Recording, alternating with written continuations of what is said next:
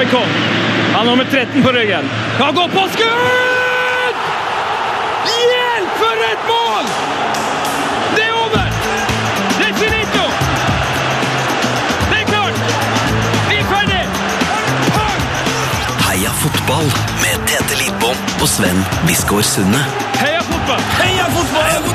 Heia fotball til deg som sitter og hører på. Hører på, ja. Eh, og hei til alle dere i Badekarets eh, venner. Dere Det, er sjuke i hodet, men eh, det er bare fint. det verdsettes ekstremt høyt. Det er jo da altså dere som elsker å høre på podkast i badekaret, som jo kan anbefales på det aller, aller varmeste. Det er utrolig å tenke på at akkurat nå så er stemmen min et sted mellom ja, litt over én meter unna et flytende kjønnsorgan. Det er, Flere flytende det er mye å ta inn akkurat nå. Men sånn er det. Eh, dere i Badekarets venner dere sender oss med gjennom mellomrom snaps at dere bader og hører på podkast til P3 her på Snapchat. Veldig hyggelig. Fortsett med det, men fortsett også med den her veldig gode selvsensuren. Ja, det er en veldig god trend på at dere eh, tar bilde av tær i enden av badekaret. Kanskje en liten brus i hånda. Smilende fjes. Alt det der er greit. Ja, veldig bra. Hvordan Åssen går det med gutten? Hvordan går det med gutten? Du, det går så bra. Eh, som eh, ikke, Om ikke viden kjent, så er det jo nok kjent at jeg er en eh, Tottenham Hotspur-fan. Og fytti katta! Mm. For en kamp uh, guttene spilte mot eh, City her nå på, eh, på søndag. Tok rotta på Pep Guardiola. Det er den mest, altså det er en av de mest slitsomme fotballkampene jeg har sett i hele mitt liv. Mm. Og det var en positiv opplevelse. Og du ble tilfredsstilt. Ja, altså det, det var en takling der av Wanyama eh, som, eh, som fortsatt eh, den dag i dag går på repeat på kontoret mitt. Ja, du har vist meg denne taklinga, og jeg så nok kanskje det det skjedde, men den slo meg liksom ikke da. Det er en sånn takling du må se i slow motion for å skjønne hvor rå han er. Mm. Men altså, det er jo 200 kilo med rene muskler. Kenyansk biff! Som bare Nei, Det ser så lett ut å ta den taklinga, men den er ekstremt brutal. Enn du? Uh, Jeg har uh, rivd soverom, uh, og jeg driver med oppussing. Ja, utrolig nok. Og så har jo Frosten kommet til Trondheim, så har han fått prøvd motorvarmeren på bilen. Funker, eller? Det funker veldig bra, det kan jeg anbefale. Det er en liten investering, men kjøp deg en Webasto til bilen. Det kommer du ikke til å angre på hvis du da ikke allerede har du er så gammel. La oss komme videre. Skal vi ta imot dagens gjest? Det syns jeg vi skal gjøre. For der tror jeg nemlig det er flere enn oss som har gleda oss til. Ja, Det er lytterspørsmålrekord eh, så til de grader òg. Heia fotballgutten. Oh yes. Ja, ja, ja, ja, ja, ja! Dæven, du er altså så på i dag. Ivrig. For å være så gammel, så er det imponerende. Ukas gjest, Tete-gutten, er altså et smykke av et menneske. Eh, Han er tidligere fotballspiller, har hamra inn de vakreste mål og de styggeste albuer. Men ikke nok med det, han er òg humorist, entertainer, språkmann med kompetanse på hollandsk, forfatter av de herligste teaterstykker, eh, podkaststjerne, TV-serieskaper, proffbokser, musiker, eh, seriemester, levemann og menneske. Vi snakker selvsagt om en enkel landsensgutt fra Vestnes, Bernt Hulsker. Hei, hei, hei, hei, Hei. Det var voldsomme ord her, altså. Ja, du har eh, satt deg i dette sjøl, da. Dette er, Ja, det, det er det. det er jo en ekte CV. Eh, Ja, er det det? Det er det. Det er jo Det er jo det. Ja, men Vi trenger ikke å gå inn i detalj på alt der, men når, det høres så flott ut, og det syns jeg er fint. Ja, Men, det er men det. du, det, det viser jo seg på en måte i den CV-en her at du er et ja-menneske. Det er korrekt. Jeg sier sjelden nei. Og da, og da, kan, da får du en sånn CV som det der. Det, det, er alle, det er alle forunt som hvis de bare orker. Bare gjør det. Bare gjør det. Ja. Det eneste jeg- kan se som kan være en liten faktafeil i introen, her, er at jeg sier å- forfatter av de herligste teaterstykker. Ja, Har, det har, har, du, har du oversatt flere enn ett? Jeg har oversatt ett, og det var fra hollandsk til norsk, og det var i går, går et fryktelig godt samarbeid med sjefsdramaturgen på det norske, min gode, gode venn Karl Morten Amundsen, eier av Bynøkkelen i Molde by. Nei! Yes. Nei, er det, er det én fast eier av den bynøkkelen? Det, er vel, det deles vel ut til, eh, til folk som har gjort sin, eh, sin gode innsats for byen, og det har han gjort. Han er, det er vel han, ikke ene alene, men han var sterkt delaktig i at det nå står et herlig teaterhus midt i byen, som ingen kan se. Det skulle helst vært ved vannkanten, men nå er det gjemt godt bort bak eh, og inn, innerst i, i bybildet der i sentrum. Ja, men det, er ing- det, er en perle av en bygning. det er vel Ja, du har vært der? Ja, om jeg har vært der Hva du har- to-tre ganger i året. Hva gjør du der? Nei, jeg har, eh, jeg har Hva i all verden gjør du i Molde by? Nei, altså, jeg har jo noen felles eh, altså, noen bekjente der. Ja, Eh, vi altså, trenger ikke gå inn på det, kanskje? Ut og kose meg ut på en øy der, da. Islandsvågen? Islandsvågen, vet du. Der er det fint, vet du. Aldri hørt om. Hæ?! Aldri hørt om Islandsvågen. Du som er såpass fin på det. Ja, og jeg er ganske god i geografi òg. Ja, ja. Nei, men det er i hvert fall Island, kan du få Islandsvågen, er det ut mot Aukra, kanskje? Nei, det er den der, det er øya liksom den, Du har dere um, Oskar Sylte sin øy først, og så er det en sånn øy rett bak der igjen. Der er Islandsvågen. Å ja, i skjærgården, rett og slett. Ja, Du er der. Å, du menger det med fiffen, du! Ja, beste borgerlige Tete der. Ja, ok! okay. Da er, da er vi plassert eh, Ja. i landskapet. Eh, Bernt Hulsker, du har sett mye fotball siden sist du var innom her. Ja, Men- jeg har sett Ja. Men det er én kamp som skiller seg ut. Å ja, ja, ja. Det er, vi, må, vi, vi skal høre et eh, klipp fra når Bernt Hulsker så på EM i sommer. Kroatia, Portugal, eh, Bernt og de som nå gleder seg til å følge innspurten av denne matchen. Hva skal vi si til dem? Vi har ett tips. Bytt kanal. Det er ikke noe, her er det ingenting å melde. Trykk, Ta fjernkontrollen og ta på noe annet. Her er det ingenting å melde fra. Jeg har sett fire timer. Jeg har sett Nord-Irland mot Wales. Verste jeg har sett, trodde jeg. Helt til sånn Kroatia-Portugal nå. Største vitsen av en fotballkamp. Eh, Ingen vil skåre, ingen vil vinne. Og nå er det en halvtime til med det mølet her før vi får straffesparkkonkurranse. Ja, ja, ja, ja, ja, ja, ja, ja. Ja, Bernt. Ja, Det var et nydelig øyeblikk. Har det kommet deg, eller? ja, jeg har kommet så vidt, men det var en grusom fotballkamp. Det var jævlig. Ja, og jeg lurer på om det var en kamp før der. Jeg lurer på om det var den dagen vi hadde seks eller sju timers sending. Altså, det er live. Vi er der og vi skal prøve å holde det i gang og prate om eh, den, vår deilige sport fotball, og så, så får vi det eh, mølet der. Det var, det, var, det var grusomt, like grusomt som jeg faktisk uttalte det der. Ja. Uh, men jeg kom igjennom, og det ble jo noen gode kamper til slutt der med de. Men altså, da EM var det ikke litt skuffende, boys? Jo, var det ikke det? Jo, jeg syns det. Ja, og den kampen her var vel det ultimate lavmål. Det var, det var ingen som ville fram, og det var grusomt. Og så ble det vel avgjort i ekstraomgangene, tror jeg. Så Ja, for vi det er problemet. unngikk straffespark. Ja, det er problemet òg, vet du. Altså, I hvert fall så må jo payoffen være, selv om straffespark er en litt sånn kjip måte å avslutte en kamp på, Ja. når du har lidd deg gjennom altså, og gått over to timer med så traurig fotball, så fortjener man i hvert fall litt spenning. Og Ja. en syndebukk. Ja, ja, en syndebukk der hadde vært Ja. fullt fortjent. Men vi fikk ikke det, eller ble snytt for det. Og men jeg tror faktisk jeg sa på sending at jeg var glad for at vi mest sannsynlig så hadde blitt uh, en kjedelig straffesparkkonkurranse òg. Vi, vi, kan, høre, vi kan høre hvordan de reagerte når målet kom. Der sitter han!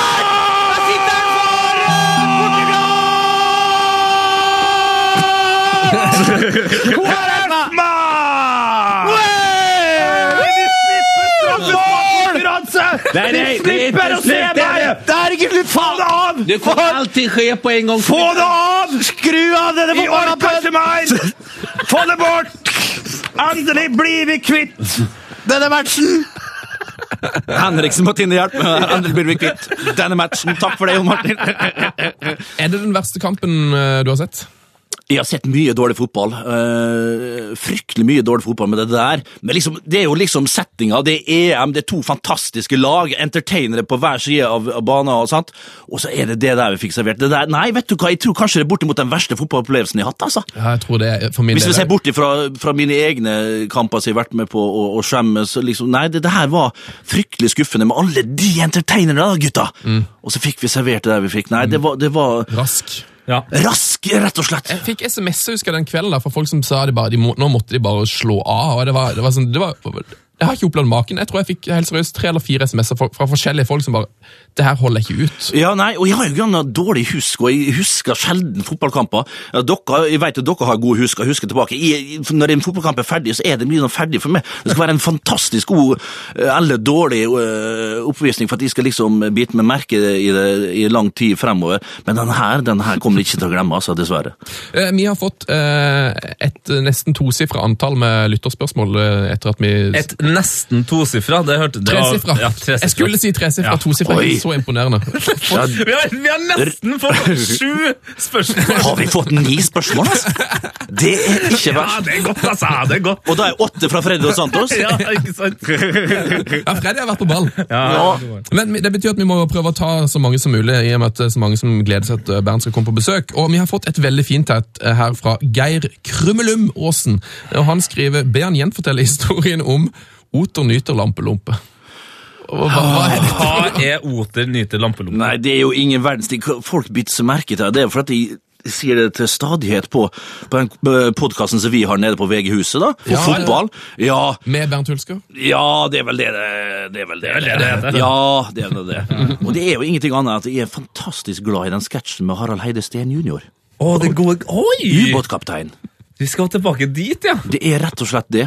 Eh, det. Så det er ikke noe mer fiksfakseri enn at eh, når jeg er tom for ord, noe som jeg fort blir, så går det rett og slett over i det der eh, med Harald Heidesteen når han Har du sett en balalaika-orkester?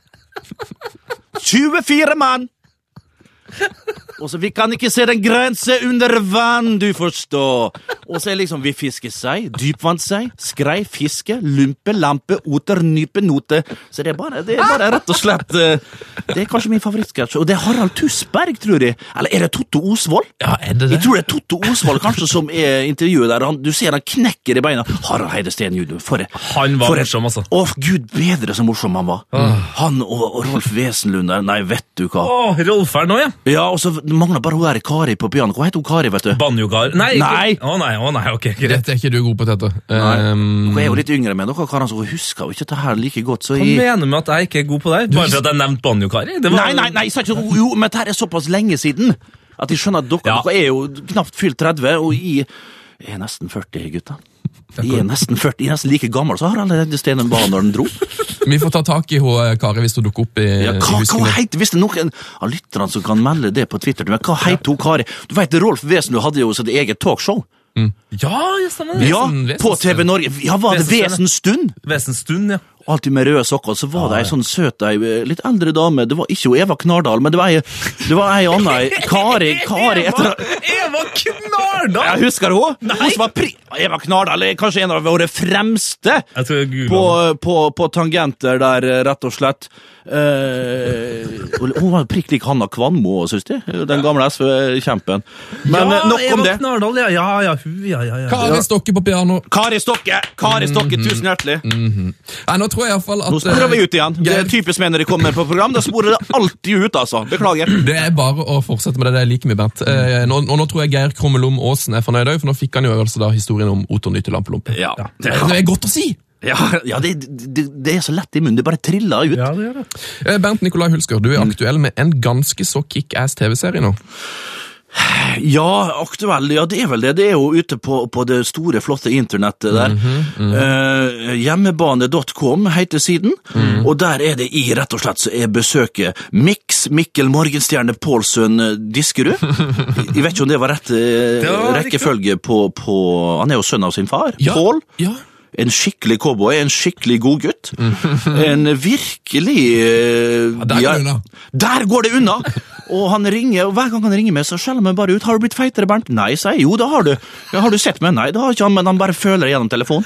Er, det Mix eller faren? Det er far. Ja. Mix er mer, eh, mer, mer eh, lugn og fin og, og rolig. Men den serien med Mix, den, den syns de eh, Det var fryktelig artig å lage. Og fryktelig spennende å være i New York og, og oppleve New York sammen med godeste Diskerud der. Jeg har en del spørsmål etter å ha sett Ja, eh, altså, denne serien. ja vel. Ja, den serien har Ja gått vel. eh, veldig varmt eh, på våre kontor. Altså, Å, så det, Ja, ja, det gleder meg å høre. Dere er så gode gutter, altså. Jeg tror episode kom, kommer episode 80 i morgen, eller? Sånn er det Ja, det er korrekt. Det kommer på tirsdager og fredager. Ja, ja, ja, Hvor ja, ja. mange episoder er det? Det er Elleve, vet tror jeg. Jeg tror det er elleve. Jeg tror det er riktig. Og så er det nummer elleve. Er det som blu, nei, kanskje det kommer som blooper eh, det, det- blooper reel? Det, ja, er ikke det viktig å ha? Jo, det er kjempeviktig. Ja, for jeg spurt gutter, men jeg vet ikke om de fikk penger til å lage det. Men hvis, men hvis det kommer penger over til Bergen, til Flimmerfilm, så kommer det en bloopers. Da er det kanskje oppi tolv episoder. Oh. Jeg sliter veldig med å finne hjemmebane sesong 1. For det, når du går inn på hjemmebane.com, så, så finner man bare sesong 2. Ja, jeg har ikke et godt svar på det, men jeg skal høre med min sjef hvor hjemmebane eh, sesong én er. For den må ikke på YouTube, eller den må være tilgjengelig. Hva er det tenker for noe, da? Hvem er Nei, det? derfor er jeg, ikke sant, Dere har ikke sett det engang, og det skjønner jeg, for den er godt gjemt. Jo, jeg har sett du var, du var og møtte Per Bredesen, var det ikke det? Per Bredesen Jo, han møtte jeg så vidt. Horten eller noe sånt? Ja, i Horten. Og så var jeg i Hva rett og slett? Jeg var, Du var på Steinkjer? jeg var på Steinkjer, jeg var i Førde. Jeg var jeg var i, på, på Jæren. eh, Randaberg der. Så de var mange, mange plasser, og det er en fin serie det òg, så jeg skal prøve å få lagt den ut igjen. Ja, for det var mer sånn Bernt Tulsker Norge Rundt? det, rett og slett. Ja, det var rett og slett en Norge Rundt-utgave der jeg for og besøkte de herligste lokaloppgjør og, og prøvde å ta temperaturen på bredde-Norge, breddefotball rundt om i det ganske land. Og det ble eh, helt ok. Det var jeg og en god en, en, ny, altså, en, en nyutdanna fyr som kom rett fra London. og Jeg og han for rundt da og lagde den eh, serien. Det ble ja, helt ok. Ja, så ung og sulten fyr. Og, Han var veldig sulten. Ja. Etter at jeg har sett eh, litt av sesong to her nå, så har jeg skrevet ned noen punkter som jeg er interessert i å komme til bunns i. det. Du kan bare høre det. Central Park, Parmodo Ka, Mix, Pirlo, Christian Bolanjos og ikke minst Marius Røvde. Ja, Og Marius Røvde det er et vi vi kan høre når du møtte han. Hey! Da har vi Røvde, det, iallfall. All right, sa jeg. Bor dere her, eller? Vi bor her, ja. Dere gjør det, ja? Marius Røvde, keepertrener. Han her. Vi har drukket og flira mye i lag. Det har vi. Keepertrener for Vancouver Whitechap, som New York City skal møte i morgen. Det blir jævlig bra. Hva- Jeg tror du måtte, du måtte jo nesten flytte jo etter sist nachspiel jeg var til deg i Molde. Det, det, det, kan, det her må kuttes. Det her skal vi ikke snakke om. Hvor det går med det? Jo, bra. Ja, det gjør det. Det skulle vi ikke snakke om oi, oi. på TV-serie, men det må vi nesten snakke litt om her. det kan vi selvfølgelig gjøre. Ja, det må vi. Her må vi bjuda på når den først er invitert. Vi må si det før vi begynner på historien. Bare komme inn i radioresepsjonen her på NRK og komme i Litt sånn her shake og litt, eh, litt går i korridor. Det er noe stort, det er noe høytidelig med å komme på, på huset her på Marienlyst. Da har jeg fått sagt det. Eh, hvor var vi? Ja, Marius Røvde, altså, vi kan jo bare, mm, vi skal jo til nachspielhistorie, men han Marius Røvde der, han er rett og slett keepertrener i eh, Whitechaps, som du kaller det. Folk, folk tror det var kødd, men Whitechaps jeg, jeg, trodde de, Det er helt utrolig, altså. Whitechaps, en chap, det er jo en, en lad sant, på engelsk. En kar, ja. ja, ja. Ja, ja, ja, det hvite guttene det hadde vært superrasistisk hvis Vancouver-laget het det. Det var helt forferdelig. Whitechaps! Whitechaps, ja. Redskins var jo en periode, den ble jo nedlagt. Whitechaps, Jeg får håpe at det aldri blir, eh, kommer opp og frem igjen. Men Åssen åssen havna han der? Nei, eh, du vet du hva, det spurte han aldri om. sant? Så Jeg er jo ingen god journalist, jeg er jo ingen journalist, eh, boys. Så det kom ikke på å spørre om. Dere derimot hadde kommet og spurt om det. Men han er jo, det var sikkert via kontakter, og han har jo gjort en formidabel jobb der borte. Og er keepertrener. Han har vært i litt forskjellige klubber. Nå er han i Vancouver Whitecaps. Ja, der er du god. Ja, takk. og, og det som er historien bak her, altså, jeg trodde jo jeg fikk en altså, amerikanske nummer. Jeg hadde ikke lagra nummeret til Mix.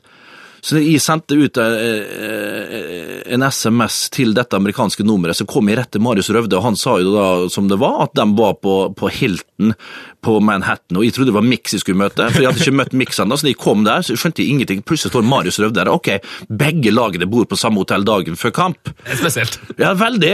Eh, Så jeg møtte han, så tenkte jeg hei, liksom, og da trodde jeg skulle møte Mix og Pirlo og Frank Lampard, og så beint etter, og så beint etter. Men så er det Marius Røvde, og ingenting galt med han. Marius er en fantastisk fascinerende gutt, men det var litt sånn eh, En liten nedtur, en egentlig. liten nedtur, ettersom han hadde planlagt at vi skulle møte på stadion. Men også og så nevner hun jo det der med at vi hadde nachspiel. Vi hadde jo glemt at Marius spilte for Lillestrøm. Ja. Og det tror jeg var den tida Jan Åge Fjørtoft uh, var på benken der. Clayton Sane tror jeg var der. Jeg er ikke helt sikker, nå må jeg ha tunga beint til munnen her, og det har jeg sjelden. Nå ikke nå heller, hører jeg. Jeg tror vi, i hvert fall Ifølge Wikipedia så var Røvde på lån til Lillestrøm i 2002, så det kan stemme, det. Ja. Man managerperioden til Ja, og så er det litt sånn, det er jo folk som, det er jo folk som, det er jo blitt sånn at det, vi hadde jo noen fuktige lag etter kampene på tidlig på 2000-tallet. Sånn var det jo, sånn er det ikke lenger, og sånn var det heller ikke på slutten av min karriere. Men på begynnelsen av, altså slutten av 90-tallet, begynnelsen av 2000-tallet, så var det jo det var jo nesten sånn, du vet I Premier League så er det jo en vane at managerne tar med bortelagets manager på kontoret for et glass godt rødvin og snakker og dev, devaluere, Hva heter det? Devaluere? Mm, Evaluere, kanskje? Deevaluere. De Eller- Nei, Ja, de, debrife! Debrife! Ja, takk, der kom Det det! er bedre, det er bedre. eh, kampen, og sånn var det jo ofte når vi leiste land og strand rundt, så var det jo nesten Du var pliktig å, å invitere motstanderlaget på fest, og sånn var det her også. Lillestrøm kom jo med den ene tørstingen etter den andre. Vi hadde Kippe, vi hadde Pålstrand, Fjøra var jo alltid med, selv om han, eh, han drog jo Altså, vi hadde jo ananasbrus, han drog jo etikettene av ananasbrusen, helte det over i et ølglass. Mm, så, han er en lagspiller, altså. han er en lagspiller. Og, og det var jo han som, som avbrøt dette nachspielet, da, som, eh, som min gode men, Altså, landlorden min, Svein Arne Kjøsnes. En, en, Det er en, et radioresepsjon-navn! Svein Arne Kjøsnes. Ja, det er nesten Det var ikke Tyholt Apenes, men Svein Arne Kjøsnes. Dongeri Hva heter han? Han andre i Eh, Pål det opp hos Nes. Ja, det er mange gode navn. Eh, det er på P13 klokka tolv. Ja, men eh, men eh, uansett, så var det Svein Arne der, da. Så var, han brukte jo å joine festene, som regel, han. Når han, for han ikke fikk sove, så var han nede i baren som var i første etasje. Nei, nede i kjelleren. Jeg bodde i første etasje. Svein Arne i andre etasjen. Så når han ikke fikk sove, så brukte han å stå opp han sånn i to-draget ned i baren, hente et par kasser pils, og, og var med da til seks-sju-tida til motstanderlaget skulle da og dra over til Åre og fly hjemover. Men, men, men, men Røvde her, da var det vel en dårlig dag for Svein Arne, rett og slett. Vi hadde jo 25 mann, det var inkludert Arne Erlandsen som var trener, selvfølgelig. Hele støtteapparatet med, med han eh, fysioen og, og hele gjengen der. Og da bar vel borti Vi holdt vel på å rive hus, eh, tror jeg. Var i boblebadet ute der og sånn forskjellig. Og da kom Svein Arne opp på terrassen i andre etasjen og skjelte oss ut etter nota. Nå, Bernt Hulske, nå kan du bare få hele til laget her til å begynne å pakke alle sakene dine, for du skal ut herfra 08.00 i morgen. Det var vel det, det nachspielet der Røvde da Men jeg tror han kom Svein Arne ned i firedraget med to kasser pils og joina likevel. Altså, han han trengte egentlig bare Nei et par, par ja da, på øynene, ja altså. da, han trengte et par timer på øyet, så var han med like fullt som han alltid gjorde, Svein Arne. En meget eh, god landlord og en god herremann. Åh, ja, det var fint å få gitt han en liten shout-out der. altså. Ja da. Du, Emmy, altså, Jeg elsker denne serien såpass høyt, eh, Bernt, eh, at jeg har fått Filmpolitiets Birger Vestmo til å anmelde den. Du kødda med Altså, legenden. over. Birger? Ja, Birger Vestmo. Kanskje den favoritttrønderen min? Bortsett fra TT. da. Ja, å, takk. Han har en kino i kjelleren, han. Så vet du det. Birger, ja. Men du, altså, du, når jeg skal liksom altså IMDb, altså, hvis du ser, hvis du skal leie en film på Ja, ja. Eller et eller annet, altså, da, eller, glem det. Jeg går alltid på Filmpolitiet og sjekker hva Birger har gjort. Har Birger en femmer? Kanskje hvis Birger har en firer òg, og da kan jeg, jeg ser firerne til Birger med en sånn femmer eller sekser, pang, der er rett på. Og da, da trenger det ikke være til leie. Da kjøper jeg den òg. Ja, da er det 139 kroner, og det jo lureri. For kommer du inn og trykker på, så koster det gjerne 20 kroner ekstra hvis du skal ha HD. Men hvis det er Birger som har gitt en Ja, hvis en Birger gitt firer oppover, pang, altså! Pang! 159 kroner i HD. Åh, det blir spennende å se da, om eh, folk eh, ender opp med å kjøpe eh, din serie Hjemmebane 2. Nå er lovprisene og nå det slakt... Ja, det, det, det får så være. Jeg elsker Nå Birger nå blir det slakt. La oss Ja, høre hva Birger Vestmo mener om hjemmebane sesong 2. Filmpolitiet med Birger Vestmo. På P3. Jetlag fin. Kom til New York i går, har fått sove litt. Grad. Som sagt, ikke helt Hjemmebane med Bernt Hulsker er en liten diamant av en TV-serie. Historien utspiller seg i de pulserende gatene på Manhattan. På rollelista finner vi allerede etablerte storheter som Angelica Houston, Kim Kardashian, Nix Diskerud og det meste av det som kan krype og gå av stjerner fra Upper West Side. Nå skal vi betale. Nå skal vi på restaurant. Så tror vi kaller det en dag. Vi har møtt Mix. Sjefen sjøl skal skinne hele uke sammen med oss. Kardashian er strålende som alltid, men ingen funkle klarer på stjernehimmelen enn Bernt Nikolai Hulsker. Terningkast seks. Bare vent. Det her blir nydelig TV. Å, herregud, boys! Å, dere aner ikke hvor stort det her er for meg. Det her er så stort for en enkel landsensgutt fra Vestnes.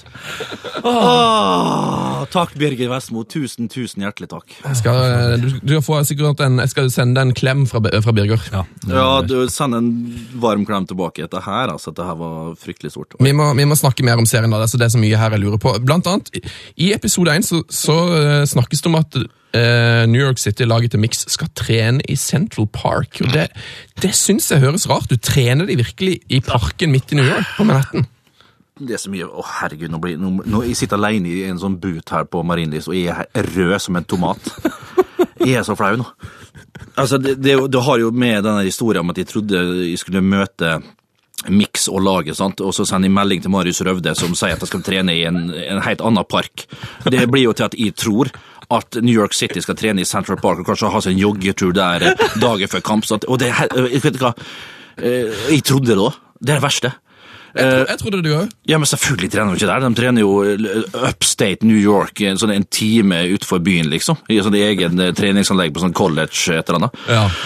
Så øh, og hvis du går med Du trenger ikke gå med lupe for å finne faktafeil i denne serien, her, men altså, denne her men, men, akkurat, men akkurat denne her Akkurat denne her er kanskje den aller, aller største. Så det, det, det er riktig, Sven. Der uh, har du den første og den største Altså, det, hadde, det hadde vært helt nydelig å se liksom Mix, eh, David Villa og Pirlo for, Ja, for- ja, men- rusle rundt i Central Park. For at, Hva er odds, hva er sjansen for at det skulle skjedd, liksom? blant ekorn og narkomane. Altså, det, Å, herre min hatt, altså. Er det mulig?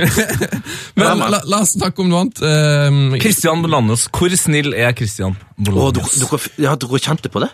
ja, Kjente dere varmen? varmen kom. Jeg prøvde å formidle den varmen. Han er, han er så snill og god som, som han utgir seg for. Altså, det er bare sånn han er. Klart, kan jo litt med, med, med, med språk og sånn. Han er jo ikke så språkmektig. Han jo, snakker jo spansk, selvfølgelig, costaricaneren der. Og, og, og selv om han bodde nå i USA og utlandet, så snakker han jo helt sånn middels engelsk. da. Men det kompenserer han med et språk, kroppsspråk og en varme og noen fantastisk flotte eh, mandeløyne som bare ja, som ah, bare suger seg fast til det. Og nei, han er han er så varm, han er så fin, han er så koselig, og først og fremst en fantastisk, fantastisk fotballspiller. Og han, jeg mener han kunne spilt i hvilken liga eh, som helst, da, hvis han hadde orka litt mer. Han flyter på talentet, og er ikke så altfor glad i å trene. Da når vi spilte sammen med han i start, ja.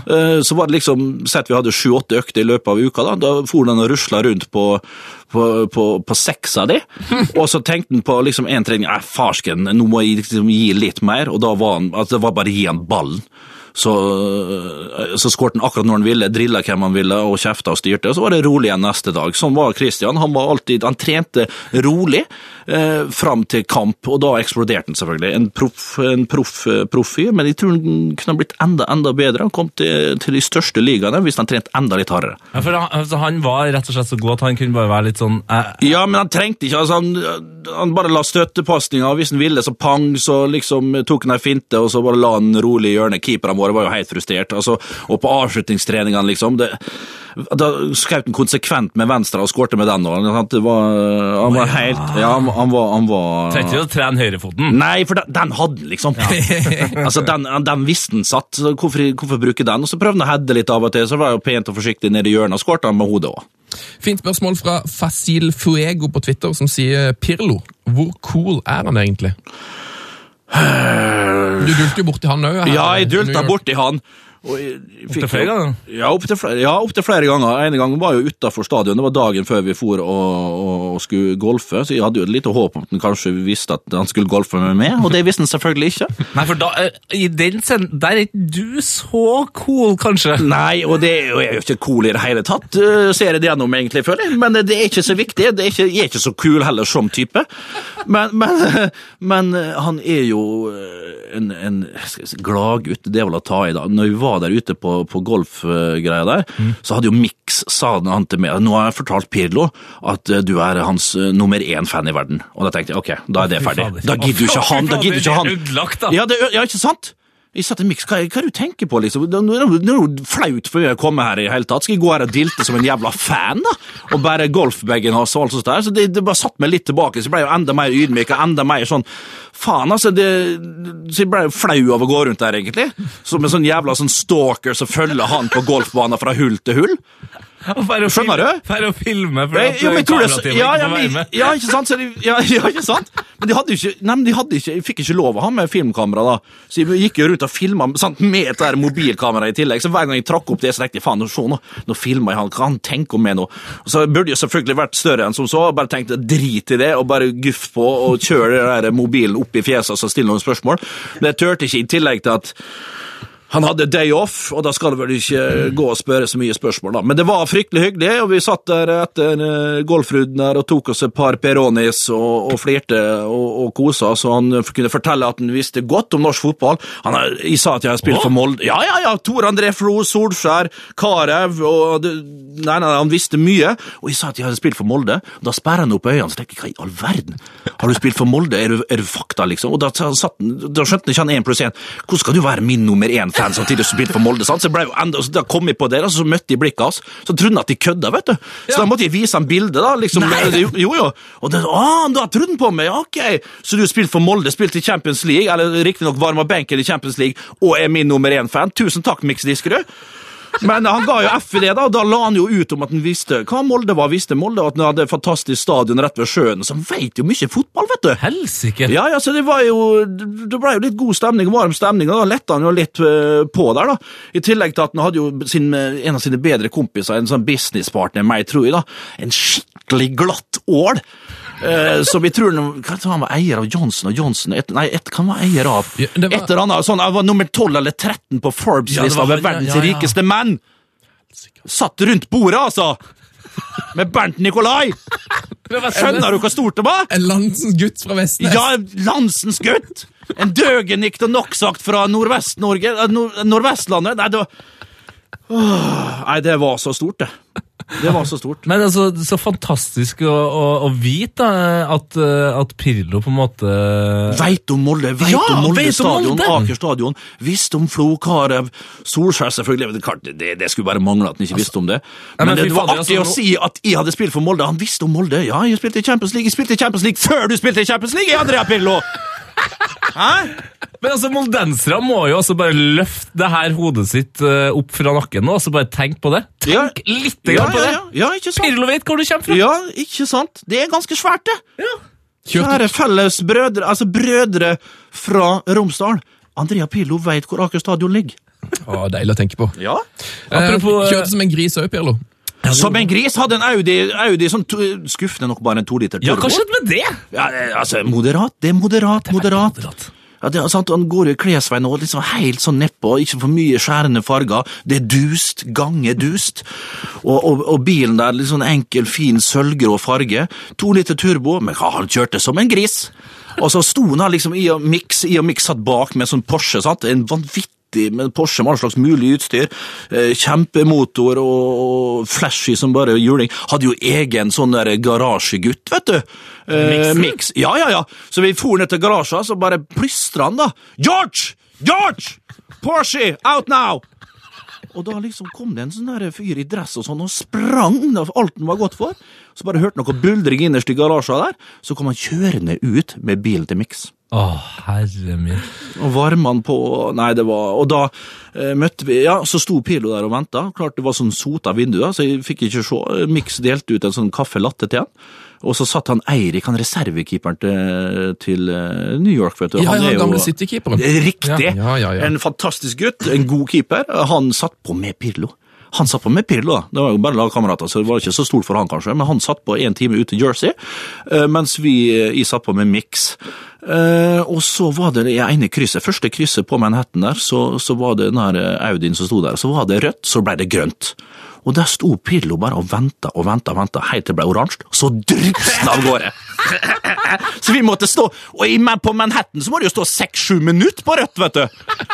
Så vi kom, jo, vi kom jo en time seinere ut til Jersey, ut på den eh, greia der, da, så han er en liten artig skrue òg, vet du, gutten.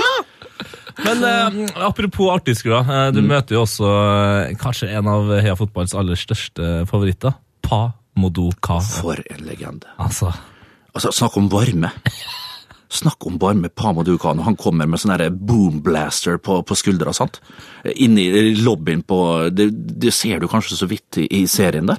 Så kommer han dundrende løs med noe JC og går rundt med movesa sine, i barfot selvfølgelig. Med, med, med, På med hilten? Ja, på hilten, med slippersene i, bak bagen, liksom. Så går han ut. Han er så smellkul òg, vet du. Og så uredd og bare leverer og leverer, og er så glad og god. Eh, og tar jo selvfølgelig hele lobbyen der, og, og da var jo det hjertelig gjensyn, selvfølgelig. Han, og gjør jo narr av meg, hvis du følger med der, så gjør han narr av meg. Han sier jo utenlandsproff fra AIK, sier han. For jeg var jo på, jeg var jo på prøvespill i 2004 og fikk ikke kontrakt med AIK før jeg gikk dit i 2007. I 2004, før jeg gikk til Vålerenga, så var jeg på prøvespill i AIK. Og da var det en Patrik Englund som trente AIK. Eh, En gammel storspiller, eh, en gammel midtstopper i AIK, og da husker jeg det var Pa som var der. eh, Hvem var det? Nordmann? Nei, det var Pa. Og jeg hadde jo en, to fantastiske treninger der. Jeg var, jeg var rett og slett på prøvespill. Eh, og så skulle vi spille kamp mot, ja, hold det fast, Huskvarna. Ja, ja, ja. Du veit, symaskin og alt det der. Storlag, storlag. Ja, det er storlag, og, og, og da hadde vi trent dagen før. Da. Jeg var ikke vant til å trene så mye. Det var jo i, på slutt Nei, jeg tror det var i sommerferien, faktisk. Jeg husker ikke helt hvor tid det var, men eh, jeg var litt på, på kant med treneren i Molde eller et eller annet, og var på utgående kontrakt. eh, og da trente vi, jeg tror det var tre timer dagen, dagen før kampen. Tre timer trening med Patrick Englund, det var doggies og alt mulig. Så når vi kom på selve kampdagen, da, så sto jeg helt, jeg hadde nierrollen, jeg sto framme der og skulle liksom levere liksom for å vise treneren at ok, få meg, få meg til Sverige. Sto bom fast. Sto, sto i sirup, altså jeg sprang... Sement i lårene. Ja, ja, helt forferdelig. Jeg, sto, jeg sprang 40 eller 50 meter i løpet av den kampen. Rett hjem. Og jeg husker etter kampen så prata ikke Pa med meg. Det stemmer, det. Pa snakka ikke med meg. Han var så skuffa. Han ble flau sikkert. Ja, jeg tror han ble flau over å kjenne meg. Så dårlig spilte jeg. Men jeg hadde glemt det når jeg møtte han i New York, i hvert fall. Ja, det er godt å høre. Eh, Du fikk jo også klippet deg noe så voldsomt. du vet, Det er jo ikke så mye klippe oppå her, det er jo kun tomta igjen straks oppe, på- oppe på, på skallen her. Ja. Så, men, men eh, 450 dollar tok han. Og han brukte 45 minutter på Jeg hadde jo klippet meg like før jeg kom. Jeg klippet meg opp med hun eh, en sånn godtrulte oppe på, på Torshov eh, like før jeg dro nedover. Ja. Så han sto og lata som han klippte håret mitt. Hvis du ser på den episode to der, så later han som han klipper og bruker sånn barbermaskin. Han gjør ingenting. I Jeg så- 45 minutter. I 45 minutter! Jeg så på sida, liksom, av eh, det, det var ikke et hår på skuldrene mine. 4500 kroner, altså. Hvis kursen er 10, da. Dollaren står vel ikke i 10, da, det gjør den ikke. Men det er ikke eh, langt unna altså. 450 dollar kosta det. Men klart, Han har toucha håret til Kim Kardashian, og nå hulkegutt. Eh, folk lurer jo Vi må en tur til, til, til Vestlandet. Eh, for Folk lurer jo hvordan, på hvordan det går med OK Raben, Ditt lag som spiller, pleier å spille på Kjetil, Kjetil Rekdal-turneringa. Ja. Ja, altså, vi har jo eh, Jo, takk for takk at du spør. Det begynner jo å dra seg mot Kjetil Rekdal Cup igjen, andre juledag. Og da bruker Den heter Kjetil Rekdal Cup. Den har hett Kjetil Rekdal Cup, og den hett siden 1988, da han spilte i Borussia Mönchengladbach. Og du vet jo Kjetil Rekdal på den her eh, på den turneringa der, sånn i starten han var på sitt mest gale, Kjetil, det var sånn ei roping av belling på han og Sindre Basse Rekdal, altså lillebroren, og Yngve Rekdal i målet. Og Sigmund Rekdal, faren som dømte, han dømte jo alle kampene, og de kjefta og kava på hverandre. Det var, det var sånn et sirkus. Det var sir Glem Sirkus Arnardo og Sirkus Agora og alt det der. Kjetil Rekdal Cup på begynnelsen av 90-tallet, det var det største sirkuset du kunne oppleve. Eh, Nå er jo Kjetil av naturlige årsaker trukket seg tilbake. Eh, Han er jo for tjukk for å være med på den turneringa, men eh, jeg er jo med der med OK Rabben, mitt lag. Eh, og det er like artig hver gang. Eh, vi har Gunnar Rune Eik som er med, Rolf Arne Fiksdal, og så bortetter og så bortetter. Så prøver vi å få litt sånn eh, fallerte stjerner til å være med Heter det fallerte stjerner? Ja da. Det heter det, ja. Ja, det vil jeg si. Ja, over fjorden da, til Vestnes og inn i Vestneshallen for å være med på mitt lag. Det, til nå er det vel ingen som har meldt seg til tjeneste, så er det stort sett i, da. Karl Oskar Fjørtoft, er han mulig å få Ja, men han, han orker ikke, vet du. Han gidder ikke. Han, jeg orker ikke, Bernt. Dette gidder ikke. Jeg kommer, kjører en time fra, fra Ålesund og inn til Vestnes. Vet du hva, Bernt, takk for at du spør, men dette gidder ikke, Bernt. Dette gidder ikke. Han, jula hans bruker han sikkert på, på familie og Ja, sjokoladebananer. ja, det er det. Og uffing, uffing og syting. Ja. Uffa meg. Jeg husker Karl Oskar, han er fantastisk gutt. Flink trener, nå er han i Hødd. Øh, Er en god øh, fotballfaglig, kjempesterk. Men når vi spilte med han, vet du, hvis vi kom på, spesielt hvis vi kom til Åråsen, eller en- vanskelig bortebane, øh, så satt Karl Oskar alltid med hodet i, i sånn facepalm. Fy faen, gutta, i dag taper vi. I dag taper vi. Jeg har det på, har følelsen. Nei, dette. Og spiller han med? Jeg trodde han hadde gult kort i. Ah, I dag taper vi, gutta. Så vi måtte for guds skyld ikke snakke med Karl Oskar før kamp, for da, da ble du dratt helt ned på hans sitt nivå. Men uansett, selv om han sa det, så leverte han som regel på banen, og var som regel en av de beste, så det var litt motstridende. pessimistisk bare. Han var veldig pessimistisk, altså. Og spiller han med? Nei, da taper vi, gutta. Åh, I dag taper vi 3-0.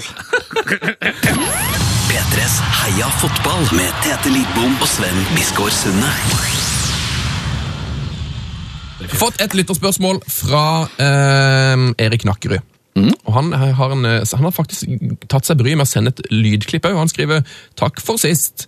Hvor godt likte du at vi sang for deg på Grünerløkka bryggeri sommeren 2015?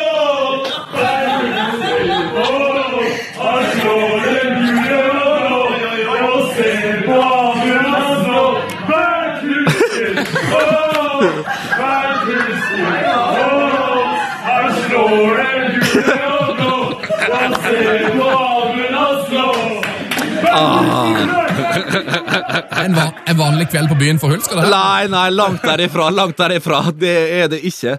Det der husker jeg veldig veldig godt. Jeg ble selvfølgelig brydd. Og heldigvis har jeg fått med et par slalåmbrus først, så jeg ble ikke så flau som jeg kunne ha blitt. Men det var utrolig hyggelig. Tenk at en gjeng kommer bort og synger en sånn sang, da! Ja, det var Det der er jo startsangen. Det var startsupporterne som sang, brukte å synge den der.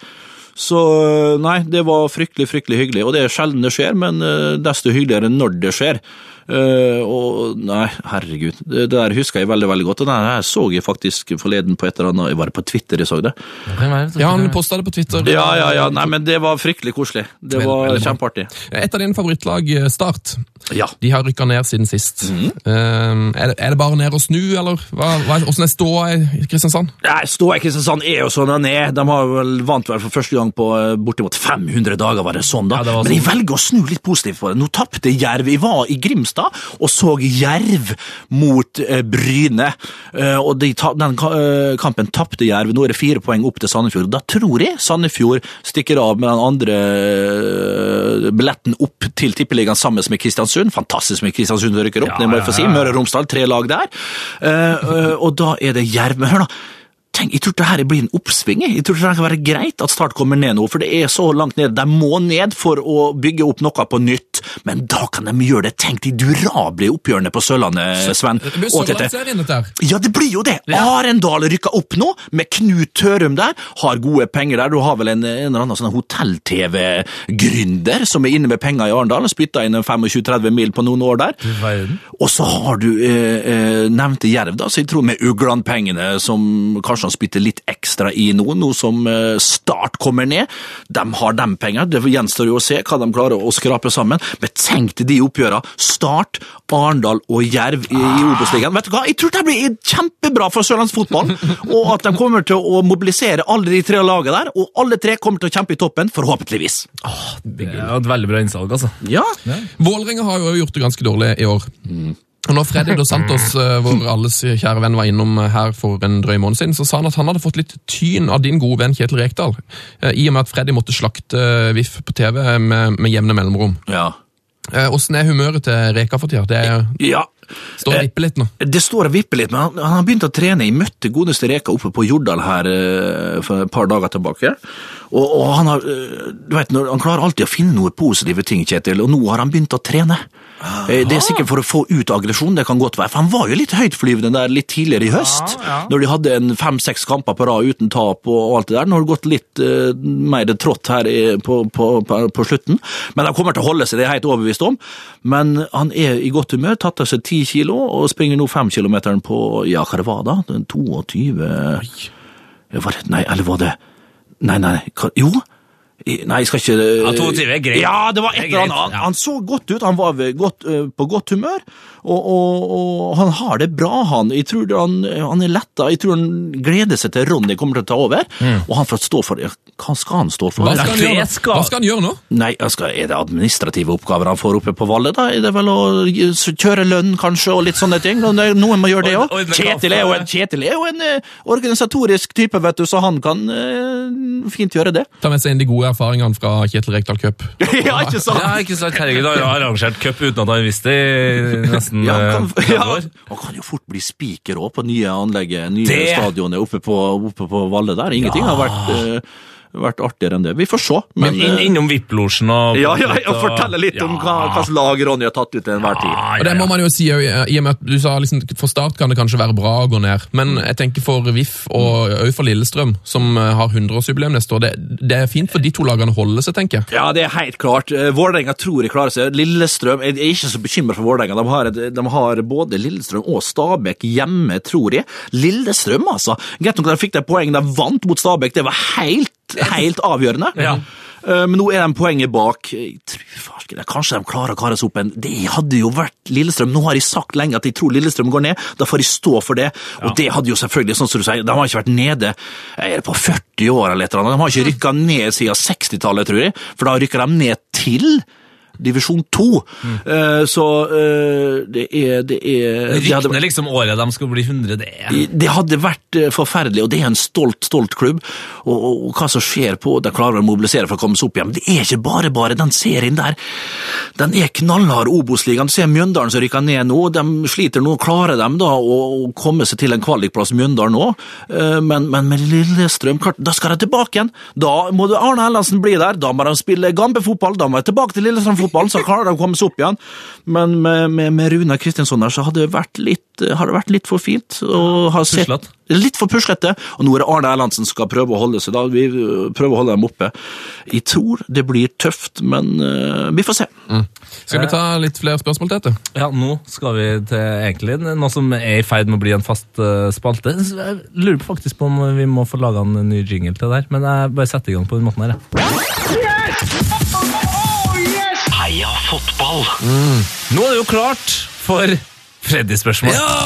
Spørsmål! Freddy-spørsmål. Freddy dos Santos har sendt inn en, ja, en ørliten, ørliten novelle her. Um, veldig hyggelig, Freddy.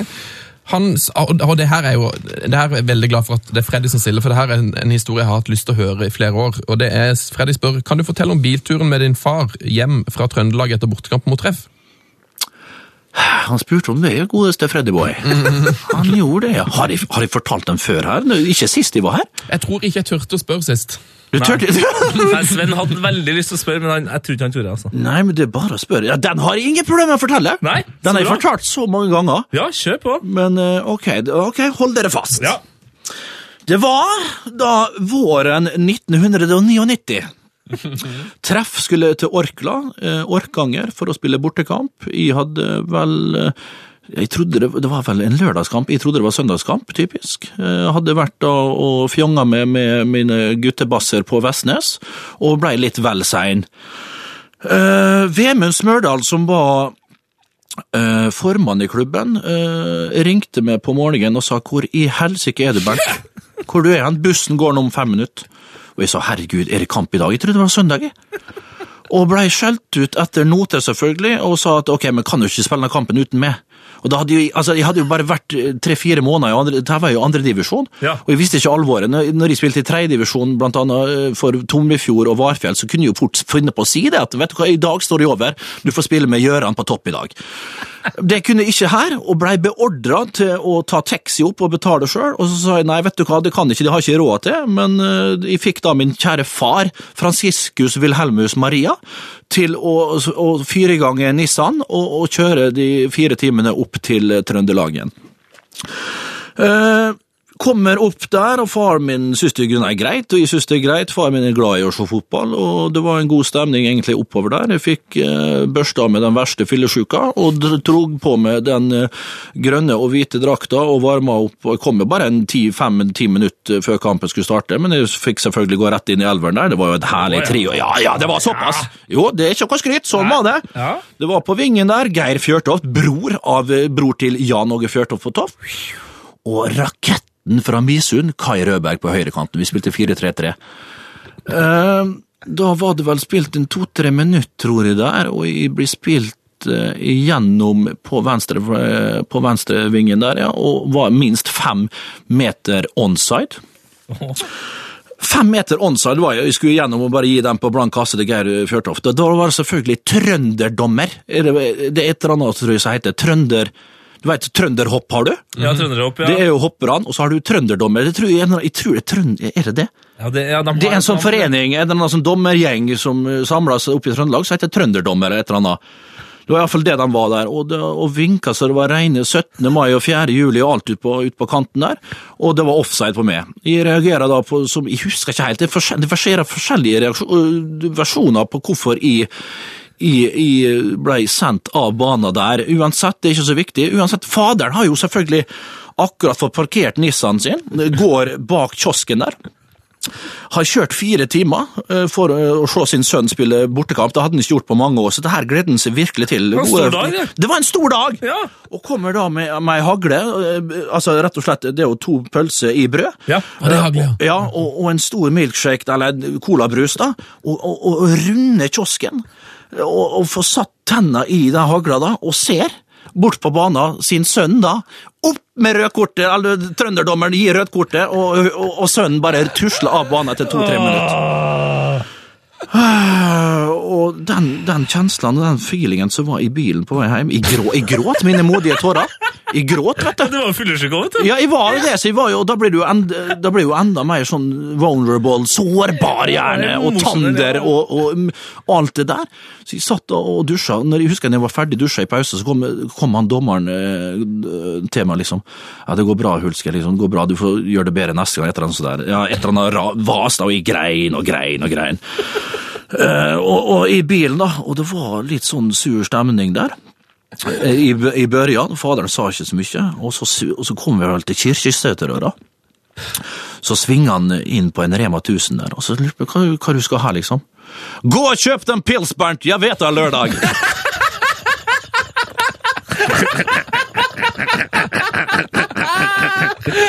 Så faderen kjente sin sønn der, så var jeg inne og kjøpte en sekser da, og bælte meg innpå.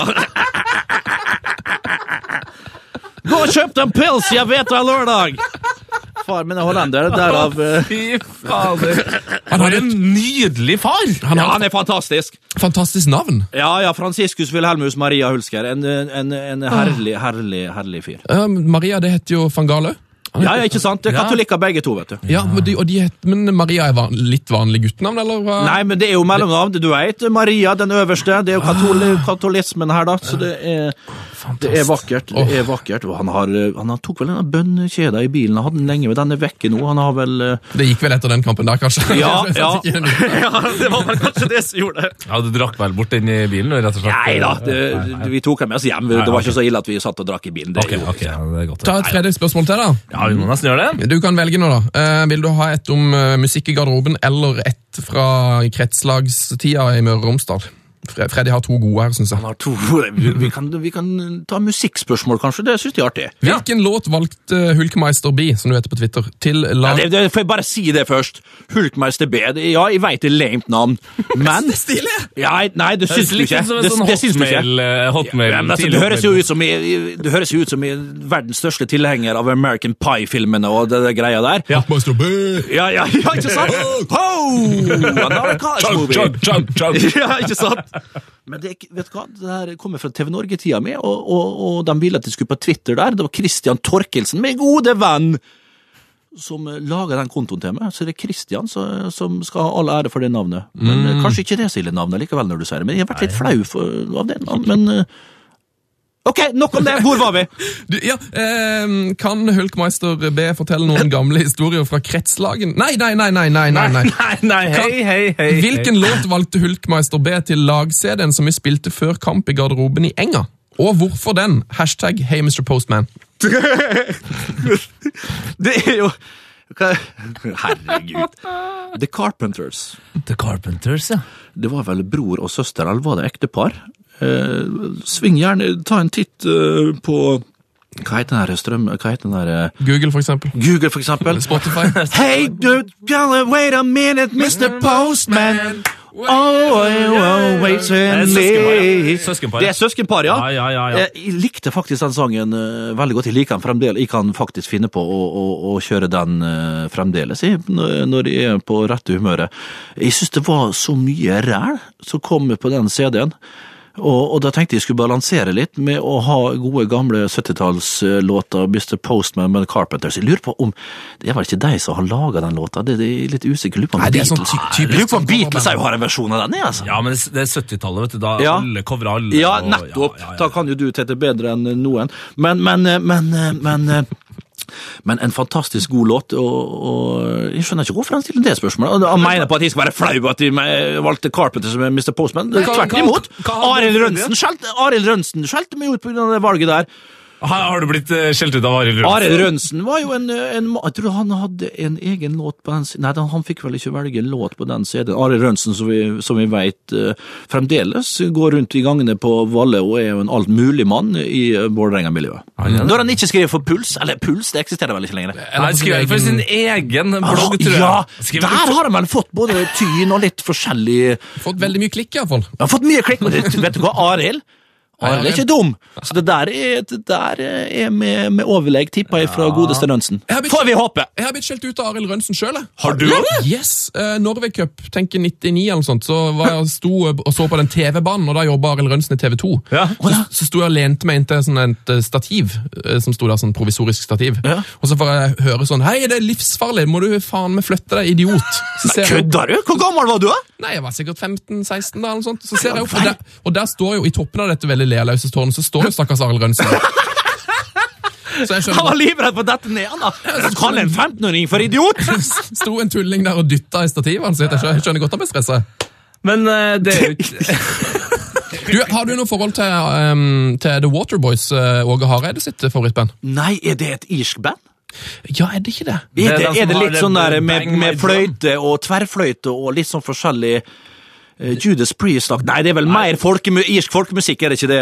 Nei, det er mer sånn eh, det er rock-pop. Ok, det er sånn det.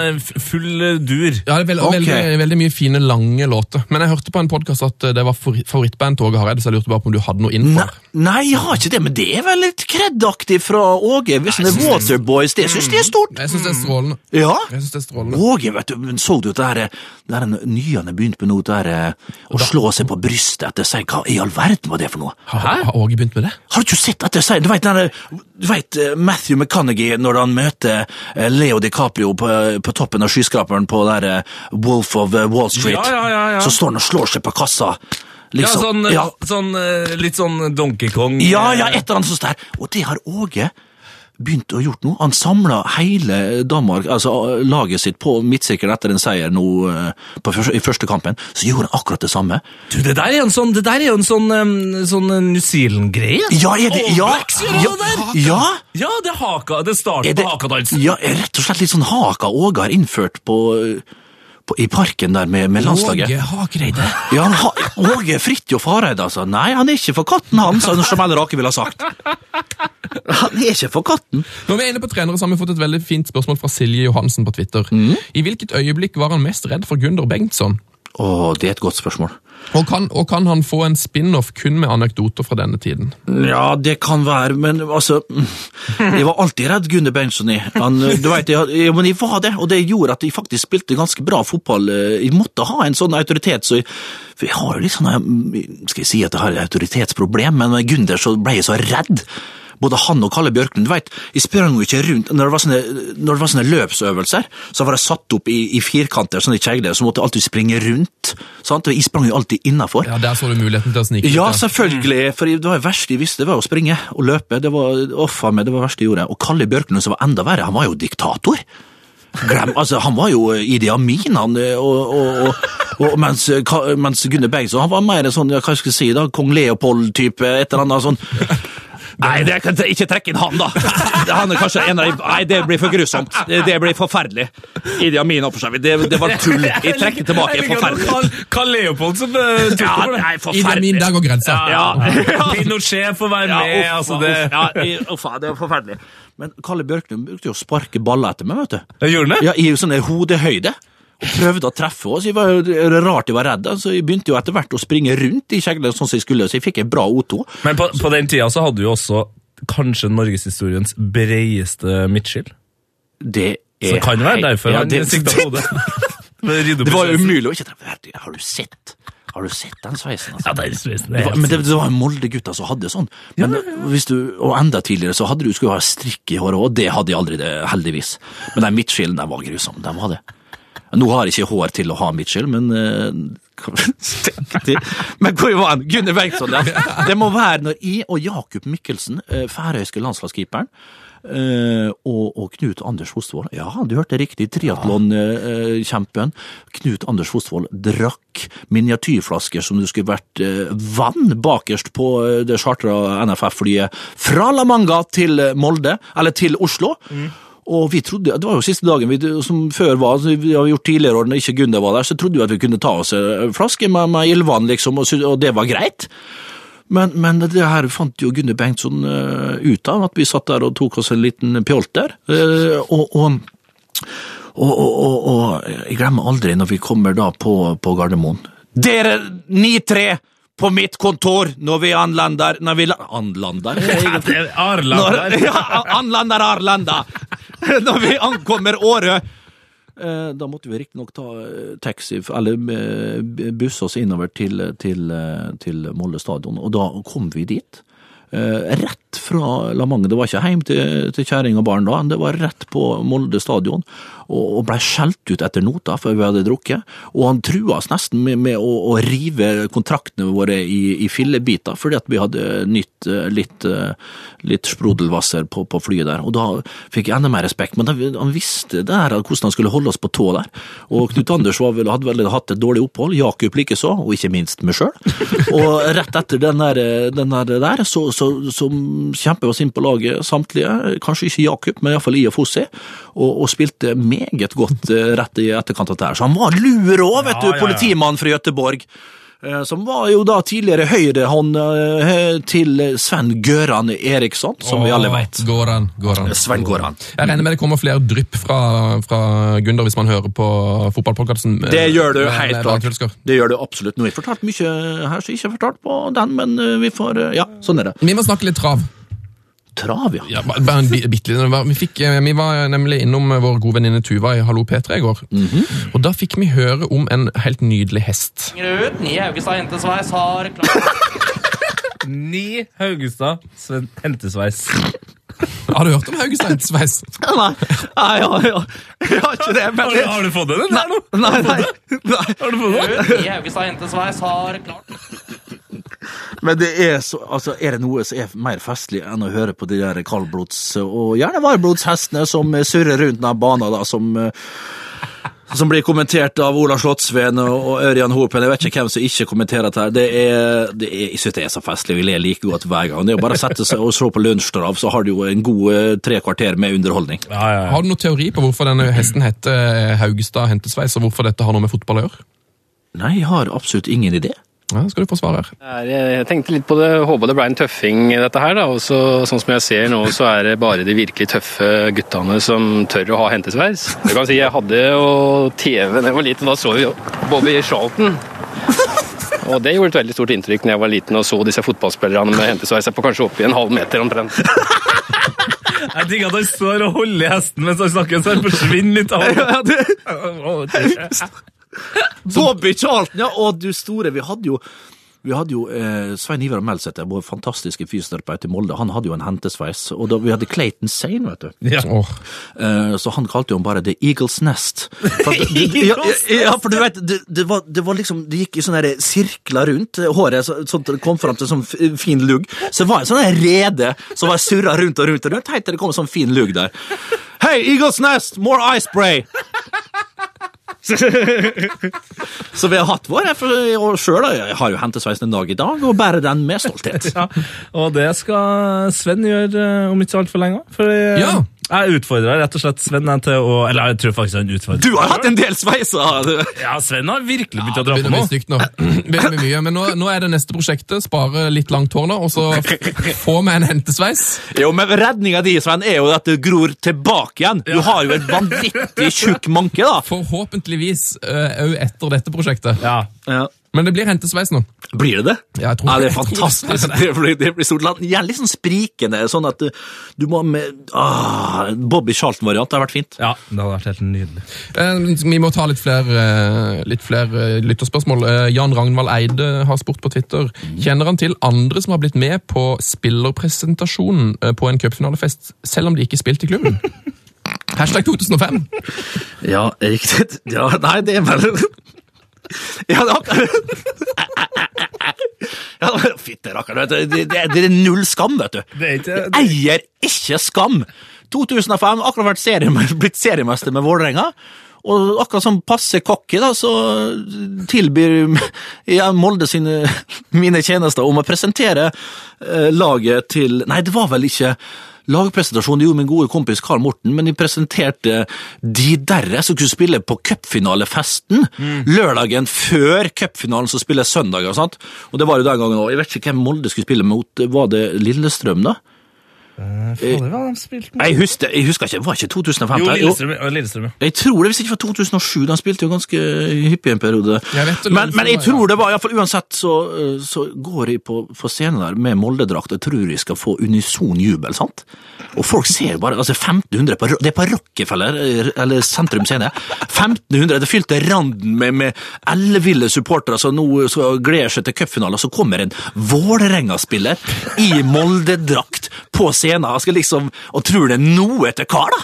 Tror det er noe til kar, og misforstår hele greia med, med, med klubbfølelse, og med, med, med, med fan, og med alt er feil, sant? Så folk bare, Det er ikke pipekonsert heller. Folk bare blir Sjokkert? ser sjokkert, ser apatisk på hverandre. Det er helt dødt i salen. Og jeg blir så flau. Jeg skjønner hva jeg har gjort der. Og jeg bare, bare, ok, så bare forter jeg meg å si Velkommen til Nord-Europas beste rockeband, De Derre! Og så springer jeg av scenen og rett hjem. Å, nydelig. Aldri mer, altså. Du er hardt Werner Hulsker. Ja. Eh, Aftenposten kritiserte det av Jon Arne Riise og Mats Zuccarello og masse andre råfolk. Eh, Ja, det var min gode venn Robert Veiaker Johansen. Ja, ja. Den skitne, skitne hunden. Han er ikke Robert til å forsvare seg her, men han har skrevet en utfyllende sak eh, om eh, Utfylle bestillingsverk! Men det er et fint uh, sitat her fra, um, fra idrettspresidenten. En mann som òg er i, i Han er i hardt Han er vær. veldig Han vinden. er hardt vær. Tom, Tom Tvedt skriver da i en e-post til Aftenposten det er ganske utrolig at disse såkalte ambassadørene, sann. som alle som en har nådd lenger enn de fleste innenfor idretten, totalt har glemt hvor de kommer fra. De får betalt av internasjonale gamblingselskaper for å selge forbilderollen forbilderrollen eh, sin, slik at fellesskapet taper. Jeg er fristet til å omskrive Bibelen litt. Oi! Hjelp dem, for de vet hva de gjør. Hva har du å si til ditt forsvar? Du store, Er du så sikker på det, godeste god, eh, Tom Tvedt? Vet du hva du gjør om dagen? Men jeg skal ikke, jeg skal ikke, eh, Kan ikke begi trekke- meg ut på en dialog her. Kan ikke, kan ikke trekke inn Tom her. Jeg kan ikke trekke ut Tom. eh, t- Det, det kan jeg for så vidt gjøre. Det gjør jeg med letthet, faktisk. Men jeg orker ikke. Eh, Jeg, jeg, jeg sover godt om nettene, for å si det mildt. Ja, det er Eller sant. jeg gjør jeg faktisk det. Jeg har litt sånn søvnapné jeg faktisk sliter Men det, med. det kommer jo ikke av, eh, av at du jobber for et bettingselskap. Nei, overhodet Nei, ikke. nei. Eh, Ole, Jeg- Ole Gunnar Solskjær har uttalt seg i samme saken. Eh, Ole Gunnar Solskjær, Norsk Tippings egen ambassadør, har uttalt Du vil aldri se meg som ambassadør for et utenlandsk spillselskap den, eh, der profitten blir igjen hos noen få eiere. Forskjellen på det Ole Gunnar gjør, den er ikke så all verdens eh, stor, min gode, godeste herrebasser eh, oppe i Trondheim. Men jeg tror, jeg, vet du hva? Jeg velger, ettersom ikke Ole Gunnar er her, mm. ettersom ikke Tom er her, så velger jeg å si Hei sann! Du lar den ligge. Jeg lar den ligge. Jeg vil ikke begi meg ut på det her. altså. Så frekk er jeg ikke når de, de personene du nevner ikke er til stede og kan forsvare seg. Men- For men- det hadde de ikke greid heller. Men hadde du noen tanke, hadde du noen kvaler med å begynne å jobbe for Nordic Better? Var, var det noe du tenkte på? Det har jo vært mye snakk om dette her. Det har vært mye snakk om det, men jeg tror om noen år så skjønner folk litt bedre. Ja, det, ting må ut. Ting må ut! Ja da. Snakk litt om Rikard Norling. Du hadde han i AIK. Rikard! Og nå gjør han det som nå gjør han det hur bra som helst. En Så du målet til Edu i helga, eller? Om vi, om jeg så til du eh, altså Han han skåret vel to, tror jeg. Nei, han skåret bare ett. Ja, men men 6-0 mot, uh, mot IFK Nord, eller Nordkjøping der. Peking. Ja. Ja, det var, Jeg så ikke kampen, jeg så bare måla. Og, Altså Det målet til, til Edu der når han altså Cruyff finte seg gjennom en tunnel og så utersida eh, forbi keeperen. ja, det er, det er vanvittig, og, og AIK har et utrolig spennende lag på gang nå. Og Rikard Norling, endelig, altså.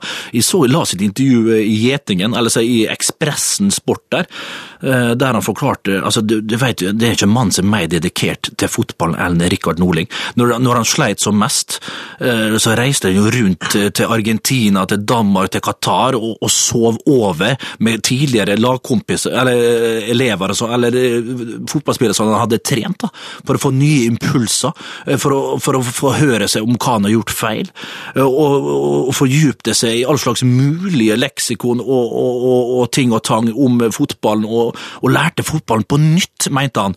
Eh, og, og, en mer dedikert type, og en mer sånn eh, sårbar type enn Rikard, det er det vanskelig å finne. Det er ja, Han er en mjukis, men allikevel en, en, en, en liten hard, eh, hard type som eh, Det var vel rett og slett feil mann i Bergen. Jeg trodde i utgangspunktet skulle han være rett mann, med all den dedikasjonen han hadde, og all det der enorme viljen til å gi av seg sjøl til, eh, til seg sjøl og, og, og omgivelsene, men i Bergen så ble det bare totalt feil. Noen kom hjem igjen til, Stockholm og til AIK, og inntil videre så ser det meget bra ut. Selvfølgelig i tospann med sin gamle, gode kordekompis Nebosja Novakovic. Mm. Jeg skal komme med et podkasttips. Eh, Mhm. for Jeg hørte på et veldig fint intervju med han Jonas Grønner på Brann. Ja! Han var på Offside-podkasten til Studentradioen i Bergen. Veldig fin fotballpodkast. Ja, okay. Og Der fortalte han Grønner om nedrykket til Brann og hele den, den tida med Nordling. Og det virka som om spillerne elska han.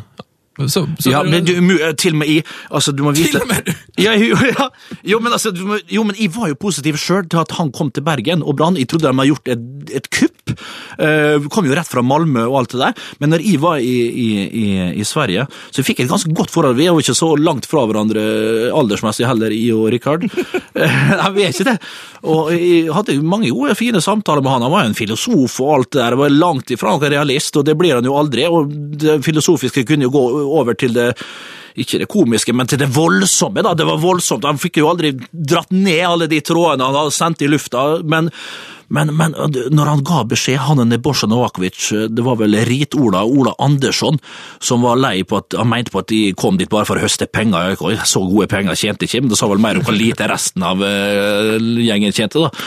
Uh, og han måtte gi beskjed til meg, Rikard, at eh, vet du hva, Bernt, du, vi må bare få det bort, for vi har ikke råd til å ha det. Vi satser heller på de argentinerne og de fire brasilianerne vi henta. Det hadde de råd til. De hadde ikke råd til å beholde med, men å- hente inn to argentinere og fire brasilianere, det kunne de. Eh, Og da satt vi på, på eh, Berg, som det heter, treningsanlegget til AIK nede ved Kungsholmen. Der helt nede ved vannet. Fantastisk eh, anlegg.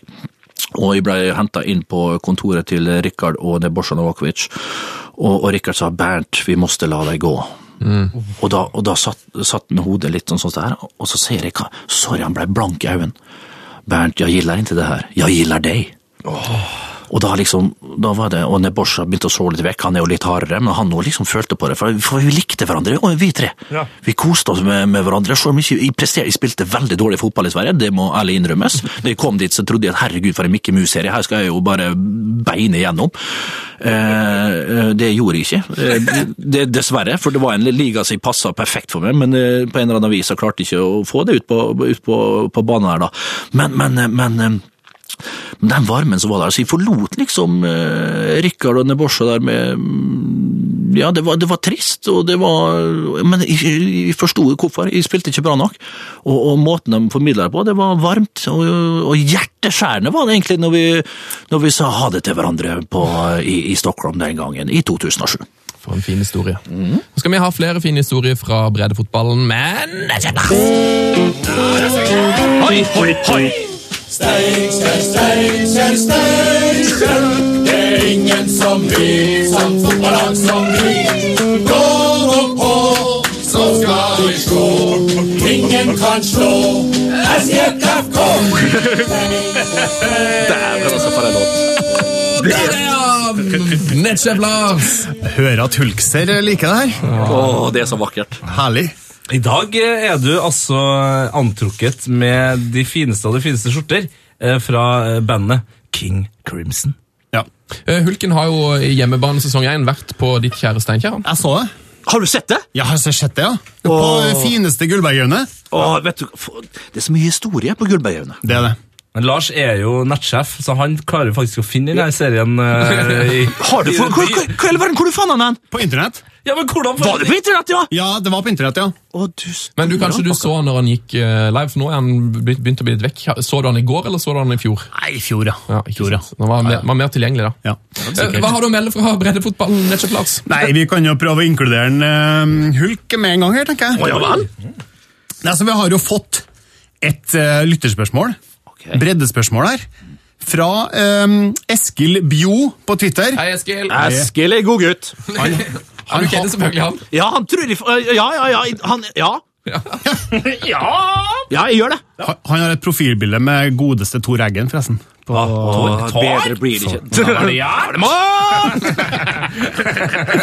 Tor Eggen, altså. Ah, Tor Eggen. Få han på igjen, da! Ja, hvor, hvor er han, da? Han er jo en drømmegjest, egentlig. Ah. Hva ringer han? Eh, ok, breddespørsmål. Er spisstuen Ronny Leikarnes og Arian Hulsker, tredjedivisjon avdeling Møre, tidenes giftigste duo? Grei ut! Grei ut! Og det ble dratt tilbake til gymnastiden. Grei ut. Ikke noe ja og nei her, altså? Nei, uh, ja. Uh, vet du hvorfor? Det er bare se på statsa. Min bror, Arjan Hulsker, har spilt For et navn! ja, 72 kamper, tror jeg. Dette kan vi gå inn og sjekke, faktisk. 72 kamper for Vestnes Varfjell. 73 mål. Ronny Leikarnes har 314 eller 15 kamper. 330 mål. Hæ?! Jeg tror det, nei, altså, Kanskje statsa er litt overdreven, men det er ikke langt ifra. Like mange mål som kamper. Ok, og Så spør du om det er tidenes giftigste duo. Da er svaret fra meg her på Marienlyst NRK i Oslo ja! Ja, men det er jo det er jo, det Ja, men det var heit, altså, det var, Jeg spilte jo sammen jeg, altså, Du må vite at jeg var reserve for så gutta der. altså. Jeg var reserve for min bror. Han fikk seg en lyskestrekk. Han jeg ble ikke noen fotballspiller, min bror Arme Jon, så jeg kaller han Arjan. Han var fotballspiller, han. Ronny Leikernes, fantastisk venstrebein. Broren min kunne skyte i mål fra 40 meter. Jeg måtte skyte, jeg måtte skyte fra fem. Ja, men det er jo Ja, Det er en skandale at ingen har plukka det opp, men du vet dette her var på en tid der du, du var i Molde, så så du ned på folk fra Vestnes. Ja. Så det du sier her nå, uh, on the record, er at Arian Hulsker var twice the player you were? Ja, to- Det er overdrevet, men han var en bedre fotballspiller. Det, det er ikke tvil. Og iallfall en bedre målgjører, målskårer. Det er det ingen tvil om. ja, det er bra sett. Fantastisk. Da har jeg da mar- markerer det sitatet, så har vi det til etterpå. Ja, absolutt. Altså, jeg har jo drevet litt research på Vestnes, for eksempel, og de har jo en vill story mot eksempel naboen Skåla. Ja. Det, det første som kommer opp, er 15-1, og så kommer 12-1 etterpå. så De er helt vilt. Men du har jo spilt nedi ham der litt. Hva, Ja. Kan du dra fram en vill story? Hva er det, hva er det artigste eller villeste du har opplevd nede i divisjonene? her? Åh, gud bedre, meg, dette her kom litt bardust på, er det det det heter? Ja, det heter bardust. ja, nei, det er jo så uh, mange oppgjør. Det må jo være når vi spilte inn i Isfjorden mot Bjørn Åndal og Willy Nymoen og gjengen der. Og Vi- Willy Nymoen. Ja, Willy, ja, ja, Willy Kåre og hele gjengen der. Håvard, Hovvi Sylte, Jan Kavli Nei, det må jo være, altså, være de gamle dagene når Jan Kavli, Jannemann, som alltid sto i hettegenser og, og, og, og, og dressbukse i mål. Nei, det var ikke dressbukse, men det var lange bukser, da. Og alltid inspiserte banene med, med rullings, selvfølgelig. Jan Ja. Kavli der. Eh, Så har vi da, når vi ble utvist sammen med Bjørn der, og stod og røyka på sidelinjen Det er så mye! Jeg har ikke noe altså. det høres ut som dere har et lag fylt med Rema 1000-produkter. Altså Ja, men det her var jo motspillere. Jeg snakker, jeg snakker, jeg snakker jo om motspillere nå. Vi snakker jo om motspillere. Men, skå, men Skåla ja, de har vel ikke lag lenger, tror jeg, nede i divisjonen. Langfjorden hadde det vel. Men Isfjorden, Isfjorden har vel slått seg sammen med Langfjorden, så det er vel Langfjorden Isfjorden nå. Og så har du Ekko Eurosen. Hæ? Ekko Eurosen, ja. Fikstad Rekdal Tomrefjord er Nei, det, ja. Nei det, det, det, er så, det, det er mye vakkert fra, fra Vi fikk der. eh, masse navn der, så jeg er egentlig fornøyd. altså. Ja, Smil fra til ørene. Skal vi gå videre med innspill fra lytterfolk? Vi har så nydelige folk. Per E. Erling Ellingsen, for eksempel. Per Erling Ellingsen, hallo. Per Erling, heia fotball. Hei, hei. Hei, hei. Hei, hei, hei. Og tips oss gjerne på uh, alfakrøll. Eh, Heia fotball, alfakrøll, nrk.no. Eller at P3 Heia fotball på alle sosiale medier. Det blir nydelig. Eh, Per ønsker å gi et utrop til en 16 år gammel jente. Ja! I Sogn Ba Balstrand? Yes. Eller Balostrand, som de sier. i- Ja, ja, i Nis. Ja. I Nis. I Sogn og Fjordane har denne 16 år gamle jenta virkelig levert for Balostrand. Anne Aune fra Inderøy i Nord-Trøndelag endte opp med 31 mål på 14 kamper i tredjedivisjon for kvinner, og nå har hun jaggu fått sjansen til å spille med herrelaget. Etter innhopp og ett mål på tre kamper fikk hun start siste serierunde mot Askvoll Holmedal i femte div. Der skåret hun to mål i 3-2-seieren mot Wow. ja. Det Nå kjemper Balestrand altså oppe i toppen, så det er en liten shoutout der. Wow! Hva heter hun igjen? Anne. Anne Aune, 16 år. 16 år, bank inn Det er jo, det er jo. Altså, Snakker du om en 16-åring som skåra to mål i, i femtedivisjon herrer? Ja. tredje div? Nei. Femte. Ja, uansett, men altså, det er jo helt utrolig Altså, det er jo kjøttliga uten like. Jo, jo, men der, der skal du passe, altså. Der, eh, wow! Dette var imponerende. Det var gøy, altså. Følg med Anne Aune, det sier jeg bare. Hun blir eh, Trondheimsør neste. Ja. Enig. Ok, Vi går til siste sak i dag. Ok. Vi har fått en, et tips fra Severin Sverdvik.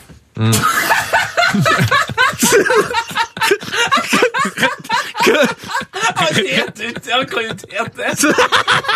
Severin. Jeg turte ikke å leve, nå ler jeg ettersom du flirte først. Du, du, Tete, det blir verre. Severin Sverd. Riktig. Og han spiller da på VamKam og ønsker å gi oss en liten sesongoppsummering her. Hei, Severin! Hei, Severin. Uh, det, altså, først må vi jo ta en titt på navnet VamKam.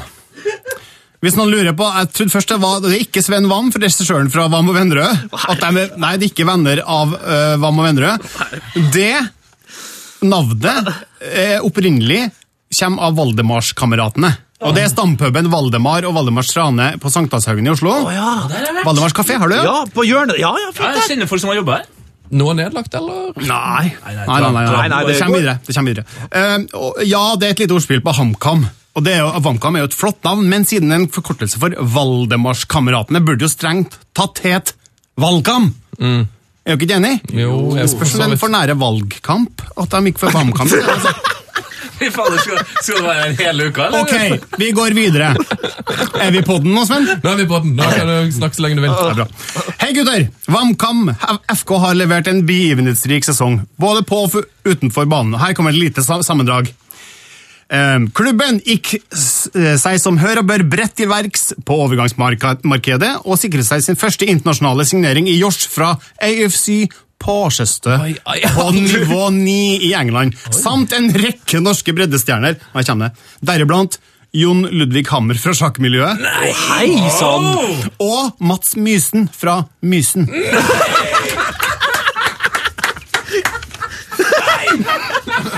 Og det her I tillegg ble klubbens Mats medieavdeling Mats Mysen fra Mysen! Det er for bra. Det er det beste navnet. I tillegg ble klubbens medieavdeling kraftig utvidet med ny hjemmeside, T-skjortekolleksjon og egen podkast, faktisk. Eh, Førstelaget rykket dessverre ned fra fjerdediv, men som de liker å fokusere på andrelaget her, og det er naturlig nok, vi spoler fram til siste serierunde. Seier i siste kamp vil ikke bare øke seiersrekken til ti på rad, men også gi opprykk opp til sjuende div.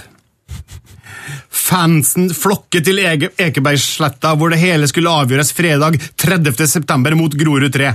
På en vindfull og humpete Ekeberg 2 leverte VamKam 2 en solid 8-3-seier. Opprykket var et faktum! Champagnen sprutet, paparazziene knipset bilder, og VamKam-tilskuerne, som telte rekordmange 27 foran stormet banen og omfavnet sine helter. Ryktene vil ha det til at den velfortjente feiringen fortsatte ut i det sene nattetimer på klubbens fødested Valdemars kafé. Gratulerer med opprykket. Grattis, grattis! Ja, Strålende. Vi begynner å få fryktelig dårlig tid, så nå går vi til Bernt Hulsgaards drømmelag.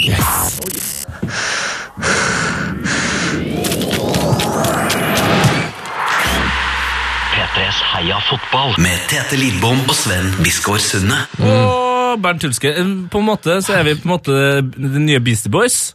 Biskår. Beastie Boys! Na, na, na, na, na, Fantastisk. Det, det er Bernt, uh, Biskår og Boom. Ah, The Three Bees. Nei, The three bees. Right. Ah, Treebies. Ja, Jeg ser jo nå at eh, vi har hatt det altfor gøy, for du hadde jo egentlig, skulle jo egentlig gå nå, Bernt. Jeg skal jo ha min egen podkast. Jeg skal Ja. inn og spille den. Ja. Nå har jeg jo ikke krefter igjen til å spille min egen. Jeg har ikke det. Nei, du kan jo ikke ha det. Nei. Ikke etter en sverdfisk. en Nei, sverdfisk. Severins Nei, den er nydelig. Det er en veldig det er en sleip podkaststrategi fra oss. Ja. Slite ut motstanderen. Ja, ja, den, den, ja. Det Men vi anbefaler på det varmeste å sjekke ut uh, fotballpodkasten Ja, med Bernt Hulsker i dag òg. Gjør det. Ja, ja, ja, ja. Takk, takk, takk. takk. Men rekker du, rekker du et drømmelag, eller må du løpe? Nei da, selvfølgelig. Vi rekker alt, mine gode venner. Men dette her er jo festkameratene tenkte jeg skulle ha min elver på. Det er litt, ja, jeg tenkte, nå, Det ble jo litt festprat og sånn, og det syns de er artig. Det bruker, liker jeg å gjøre når jeg er gjest hos, eh, hos dere. Så jeg tenkte vi skulle ta mine, mine, mine kompiser som jeg, har, eh, som jeg har eh, kost meg litt ekstra med, da. Ja. Gjennom, gjennom eh, min eh, profesjonelle karriere som, som fotballspiller. Ja, for det her er alt det i løpet av karrieren òg, selvfølgelig. Ja, ja, absolutt. Ja, okay. Ja, vi, altså, jeg har jo nesten slutta nå, så etter, etter jeg ga meg. Det er det som er så trist. Nei da, men vi har jo en elver her, bestående av Eddie The Eagle Gustavsson. Mann som kun røykte sigar og drakk eh, whisky med sigarlukt. Sigarsmak, unnskyld. Så han lukta jo 90-åring i 14 dager etter han har vært på byen. Eh, Men eh, det var Eddie i buret der. Vi skal gå fort gjennom, for vi rekker vel ikke så gå... Ok. Bruk så mye tid du vil. Ok. Høyrebekk. Trond Strande, selvfølgelig. Der har vi han, ja. Der har vi en. Mannen som lærte meg å rulle røyk skikkelig. og sa du skal ikke bruke Risla, du skal bruke Big Ben. Ja, Du vet, ja, Big Ben, eh, det er litt tynnere papir. Trond Strande kunne drikke med begge hendene. Han liker ikke at jeg sier det her, så vi får håpe han ikke hører på denne podkasten. Han vet ikke hva podkast er, så det er vel ikke noe fare med det. Dette blir mellom oss. Ja. Du tror du kan drikke, du, Hulsker? Da skal du faen meg være med meg bort på trening. Skulle lært deg hvordan du skal drikke med begge hendene. Det er Trond Strande der, på høyre bekk. En fantastisk uh, høyrebekk i sin tid. Uh, undervurdert. Uh, Skårte også det viktige frisparkmålet til uh, Molde mot Ålesund på Kråmyra for i 2001, så vi ikke rykka ned. Det var han som gjorde. Fra, ja, fra 30 meter. Eh, så har vi her en liten uh, godgutt på, på midtstopperplass. Inge André Psycho Olsen. Det vet, han, han, er jo en oppegående, flink, dyktig herrebass, eh, Inge André Olsen. Ikke fullt så dyktig når eh, slalåmbrusen har gått ned. Da, eh, da, det, da går teppet ned hos unge Olsen. Vi tror vi stopper der. Så har vi da vi må jo ha en, en, en edru mann i, i troppen på banen her som må holde det alt eh, sammen, så der har vi Jesper Mathisen. Som er en fest i seg sjøl. Han er jo det. Og, og som kan da liksom eh, ta vare på, på resten her. På venstrekanten, eller venstre bekk, har vi flytta ned en, egentlig en høyre kant. Det er Kenny The Maniac Pavey.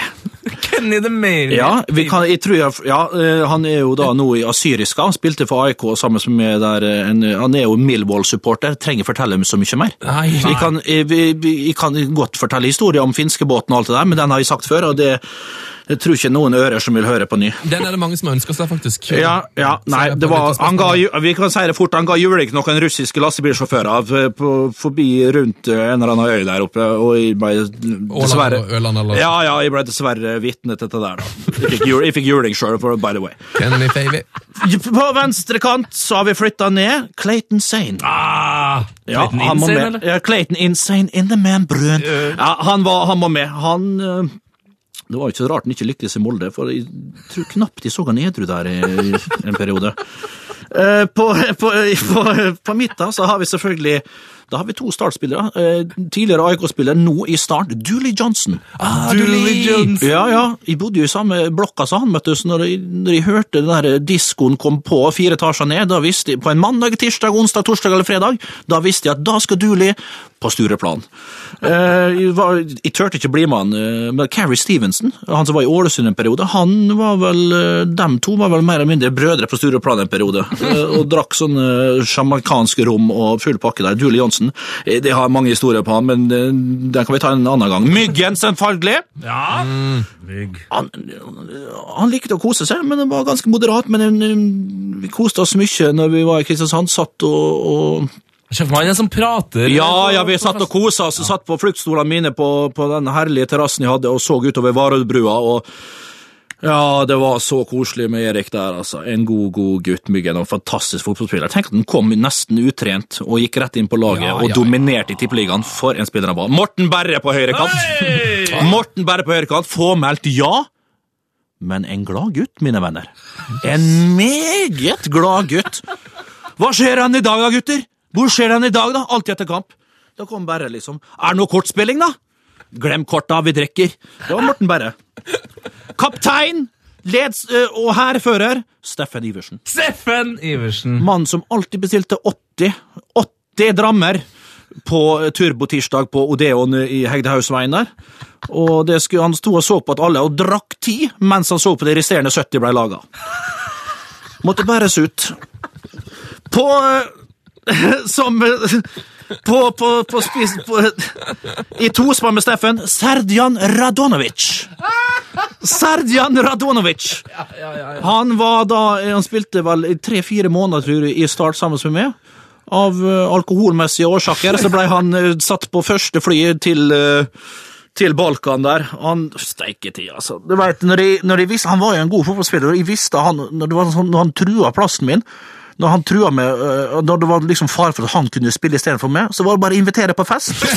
Sjøl drikke solbærsirup, mens han da inhalerte 60 uh, blodprins og, og gjerne en kvart, nei, 12-13-14 pils, så var han jo ute av øh, ute av, ut av dansen for en tre-fire dager, så da fikk jeg spille sjøl. Serdian Radanovic, en bra fotballspiller og en glad gutt. Jeg er veldig glad vi rakk dette laget, merker jeg. Ja, det er jeg jo veldig glad for. Å, satan. Ja da. Jeg beklager språket. Det er veldig bra, Bernt. Ja da, det ble jo sånn det ble i ta, da. det ble jo sånn det ble i ta, da. Du får, eh, det, altså, det, Hos oss står døra alltid åpen. Ja, det håper vi jo. Får, får komme tilbake. Ja, det håper vi så inderlig. Altså, hør, hør på de lytterspørsmålene vi ikke fikk tatt. Ja. Ja. Det er altså mengder. Ja, det var flere ark. Det var Det er altså flere ark. mengder. Ja, så gøy, så gøy. Strålende, Bernt. Jo, God helg. god helg til dere, gode venner. Ok. God helg. Yes. Vi snakkes. Ha det. Ha det.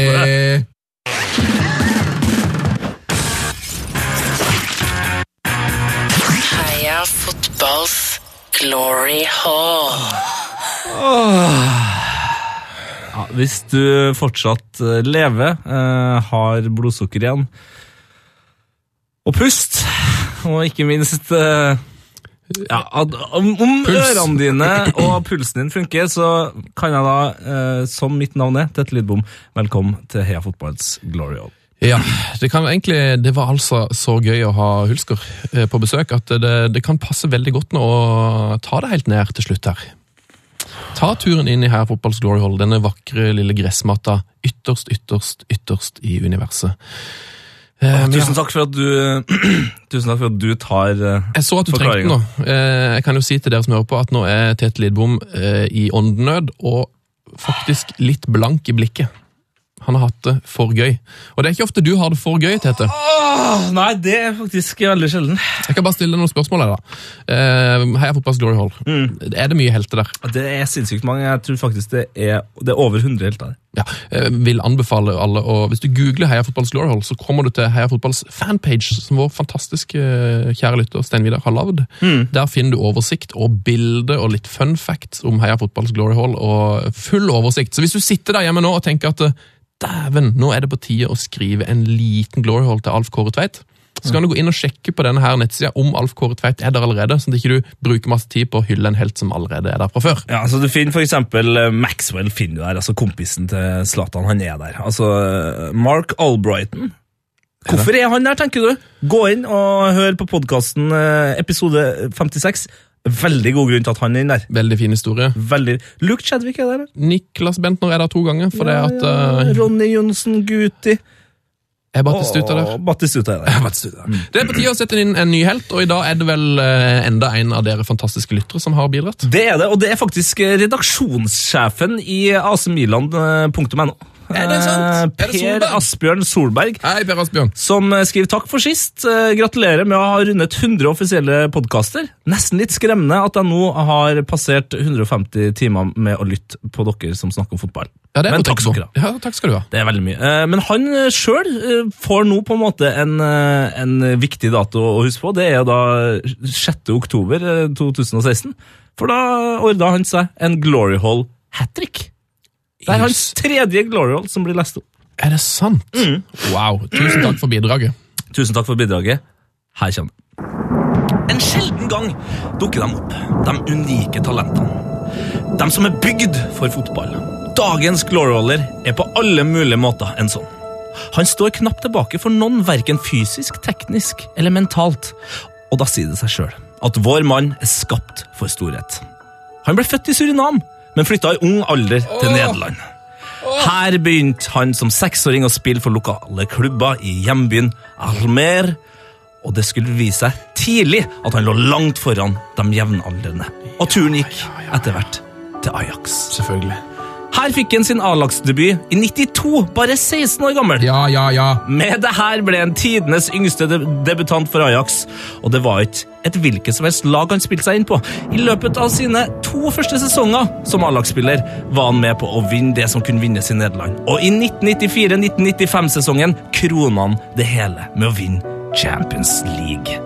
Deretter forlot han den nederlandske storklubben til fordel for Sampdoria. Men her ble han ikke mer enn ett år før veien gikk det til selveste Galacticos, Real Madrid. Mest kjent er han riktignok for sin tid tilbake i Italia, hvor han etter et kort opphold i Inter fant veien til AC Milan. Her ble han historisk, da han i 2003 ble den første spilleren til å vinne Champions League med tre ulike klubber og med nesten 400 kamper for et av 2000-tallets beste lag, en intet mindre enn en legende for Rossoneri. Clarence Sedorf, mannen med en fysikk som nesten setter CR7 i skyggen, selv i en alder av 40. Mannen som banka inn ja, den skåringa mot Atletico Madrid. Mannen som snakker seks språk flytende. Il professori ble han kalt grunnet sitt kloke hode. Mannen som er bygd for fotball. Han var blant verdens beste spillere i nesten 20 år! Ble nederlandsk landslagslegende og utropt til den syvende beste spilleren i Champions League sin historie når turneringa fylte 20 år i 2012. Nå er det altså høytid på høytid at Klar Ens Sedorf får sin billett til fotballens himmelrike. Så med det her, velkommen inn i Heia fotballs Glorial. Clyde, det har du fortjent. Wow. Klaren Sedorf. The Beast from the East. Eller det er vel mer The Beast from the West. Se på høyrearmen min her. Det er altså ståpels. Ja, det der er altså en ribba gås. Det er det. Rett og slett. Dette var en eh, nydelig 1 time og 36 minutter med podkasting til Ledbo. Det fløy unna. Det fløy unna. Eh, Jeg er utrolig glad for at det snart er helg, eh, og at eh, du som hører på, kan tune inn på P3 Ja! klokka tolv på lørdags formiddag. Nå er det jo også det er tung Det er jo landslagsgreier og alt sånt der. Så nå er det på en måte det det mest fotballaktige du får med deg, tror jeg. Med Mm. unntak av en annen. Italia-Spania skal møtes, for eksempel, på Mm. lørdag der. Eller i morgen. Er ikke det i kveld? Er det, er det nå? På Jeg torsdag? tror det er Italia-Spania i kveld. Hæ? Ja, ja, Det er landslagsuke, vet du. Mm, den må vi kanskje møtes og se, da. Jeg får jo besøk av pappa i helga! Hæ? Kanskje vi kan se kamp med pappa? Faren! For et opplegg. Hvis du The real Biskår Sunde? Altså, eller Biskår er han som er Biskår eller Sunde? Han er, han er kun Sunne. Han er Sunde. The real Sunne. Mm. up. Sunnefar. Ja, Han tok, det var han som tok med meg til, til Aberdeen. Ah, ja, ja. Der du ikke fikk mat. Der er ikke fikk mat. Det er helt sant. Takk for at uh, du hørte på Heia fotball. Det kan jeg ikke få sagt nok. Det er helt utrolig hyggelig at folk uh, lytter på. Ja, fy faen. Dere er helt eh, nydelige lyttere. Takk for at dere er så hyggelige på internett. Takk for at dere er så hyggelige når dere møter meg på bussholdeplassen eller på byen. Eh, Eller på, jeg møtte jo en fyr på Sports Direct i Aberdeen. Der møtte jeg en Heia fotballlytter. Gjorde det?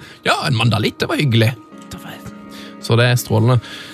Uh, keep spreading the news. Heia fotball. Uh, og rate oss gjerne i iTunes hvis du s- føler vi fortjener det. Mm. Glad i deg, gutten. Uh, glad i deg, gutten. Eh, god helg og heia fotball. Heia fotball. Frank de Boer speelt de bal. Heel goed naar Dennis Bergkamp. Dennis Bergkamp. Dennis Bergkamp neemt de bal aan. Dennis Bergkamp. Dennis Bergkamp. Dennis Bergkamp. Dennis Bergkamp. Dennis Bergkamp. Oh! Frank de Boer speelt de bal naar Dennis Bergkamp. Die neemt de bal feilloos aan. En ik schiet de bal erin. We spelen nog officieel 20 seconden. Dennis Bergkamp. P3s Heia fotball. Ny episode hver fredag. Last ned din nye favorittpodkast på p3.no podkast. P3.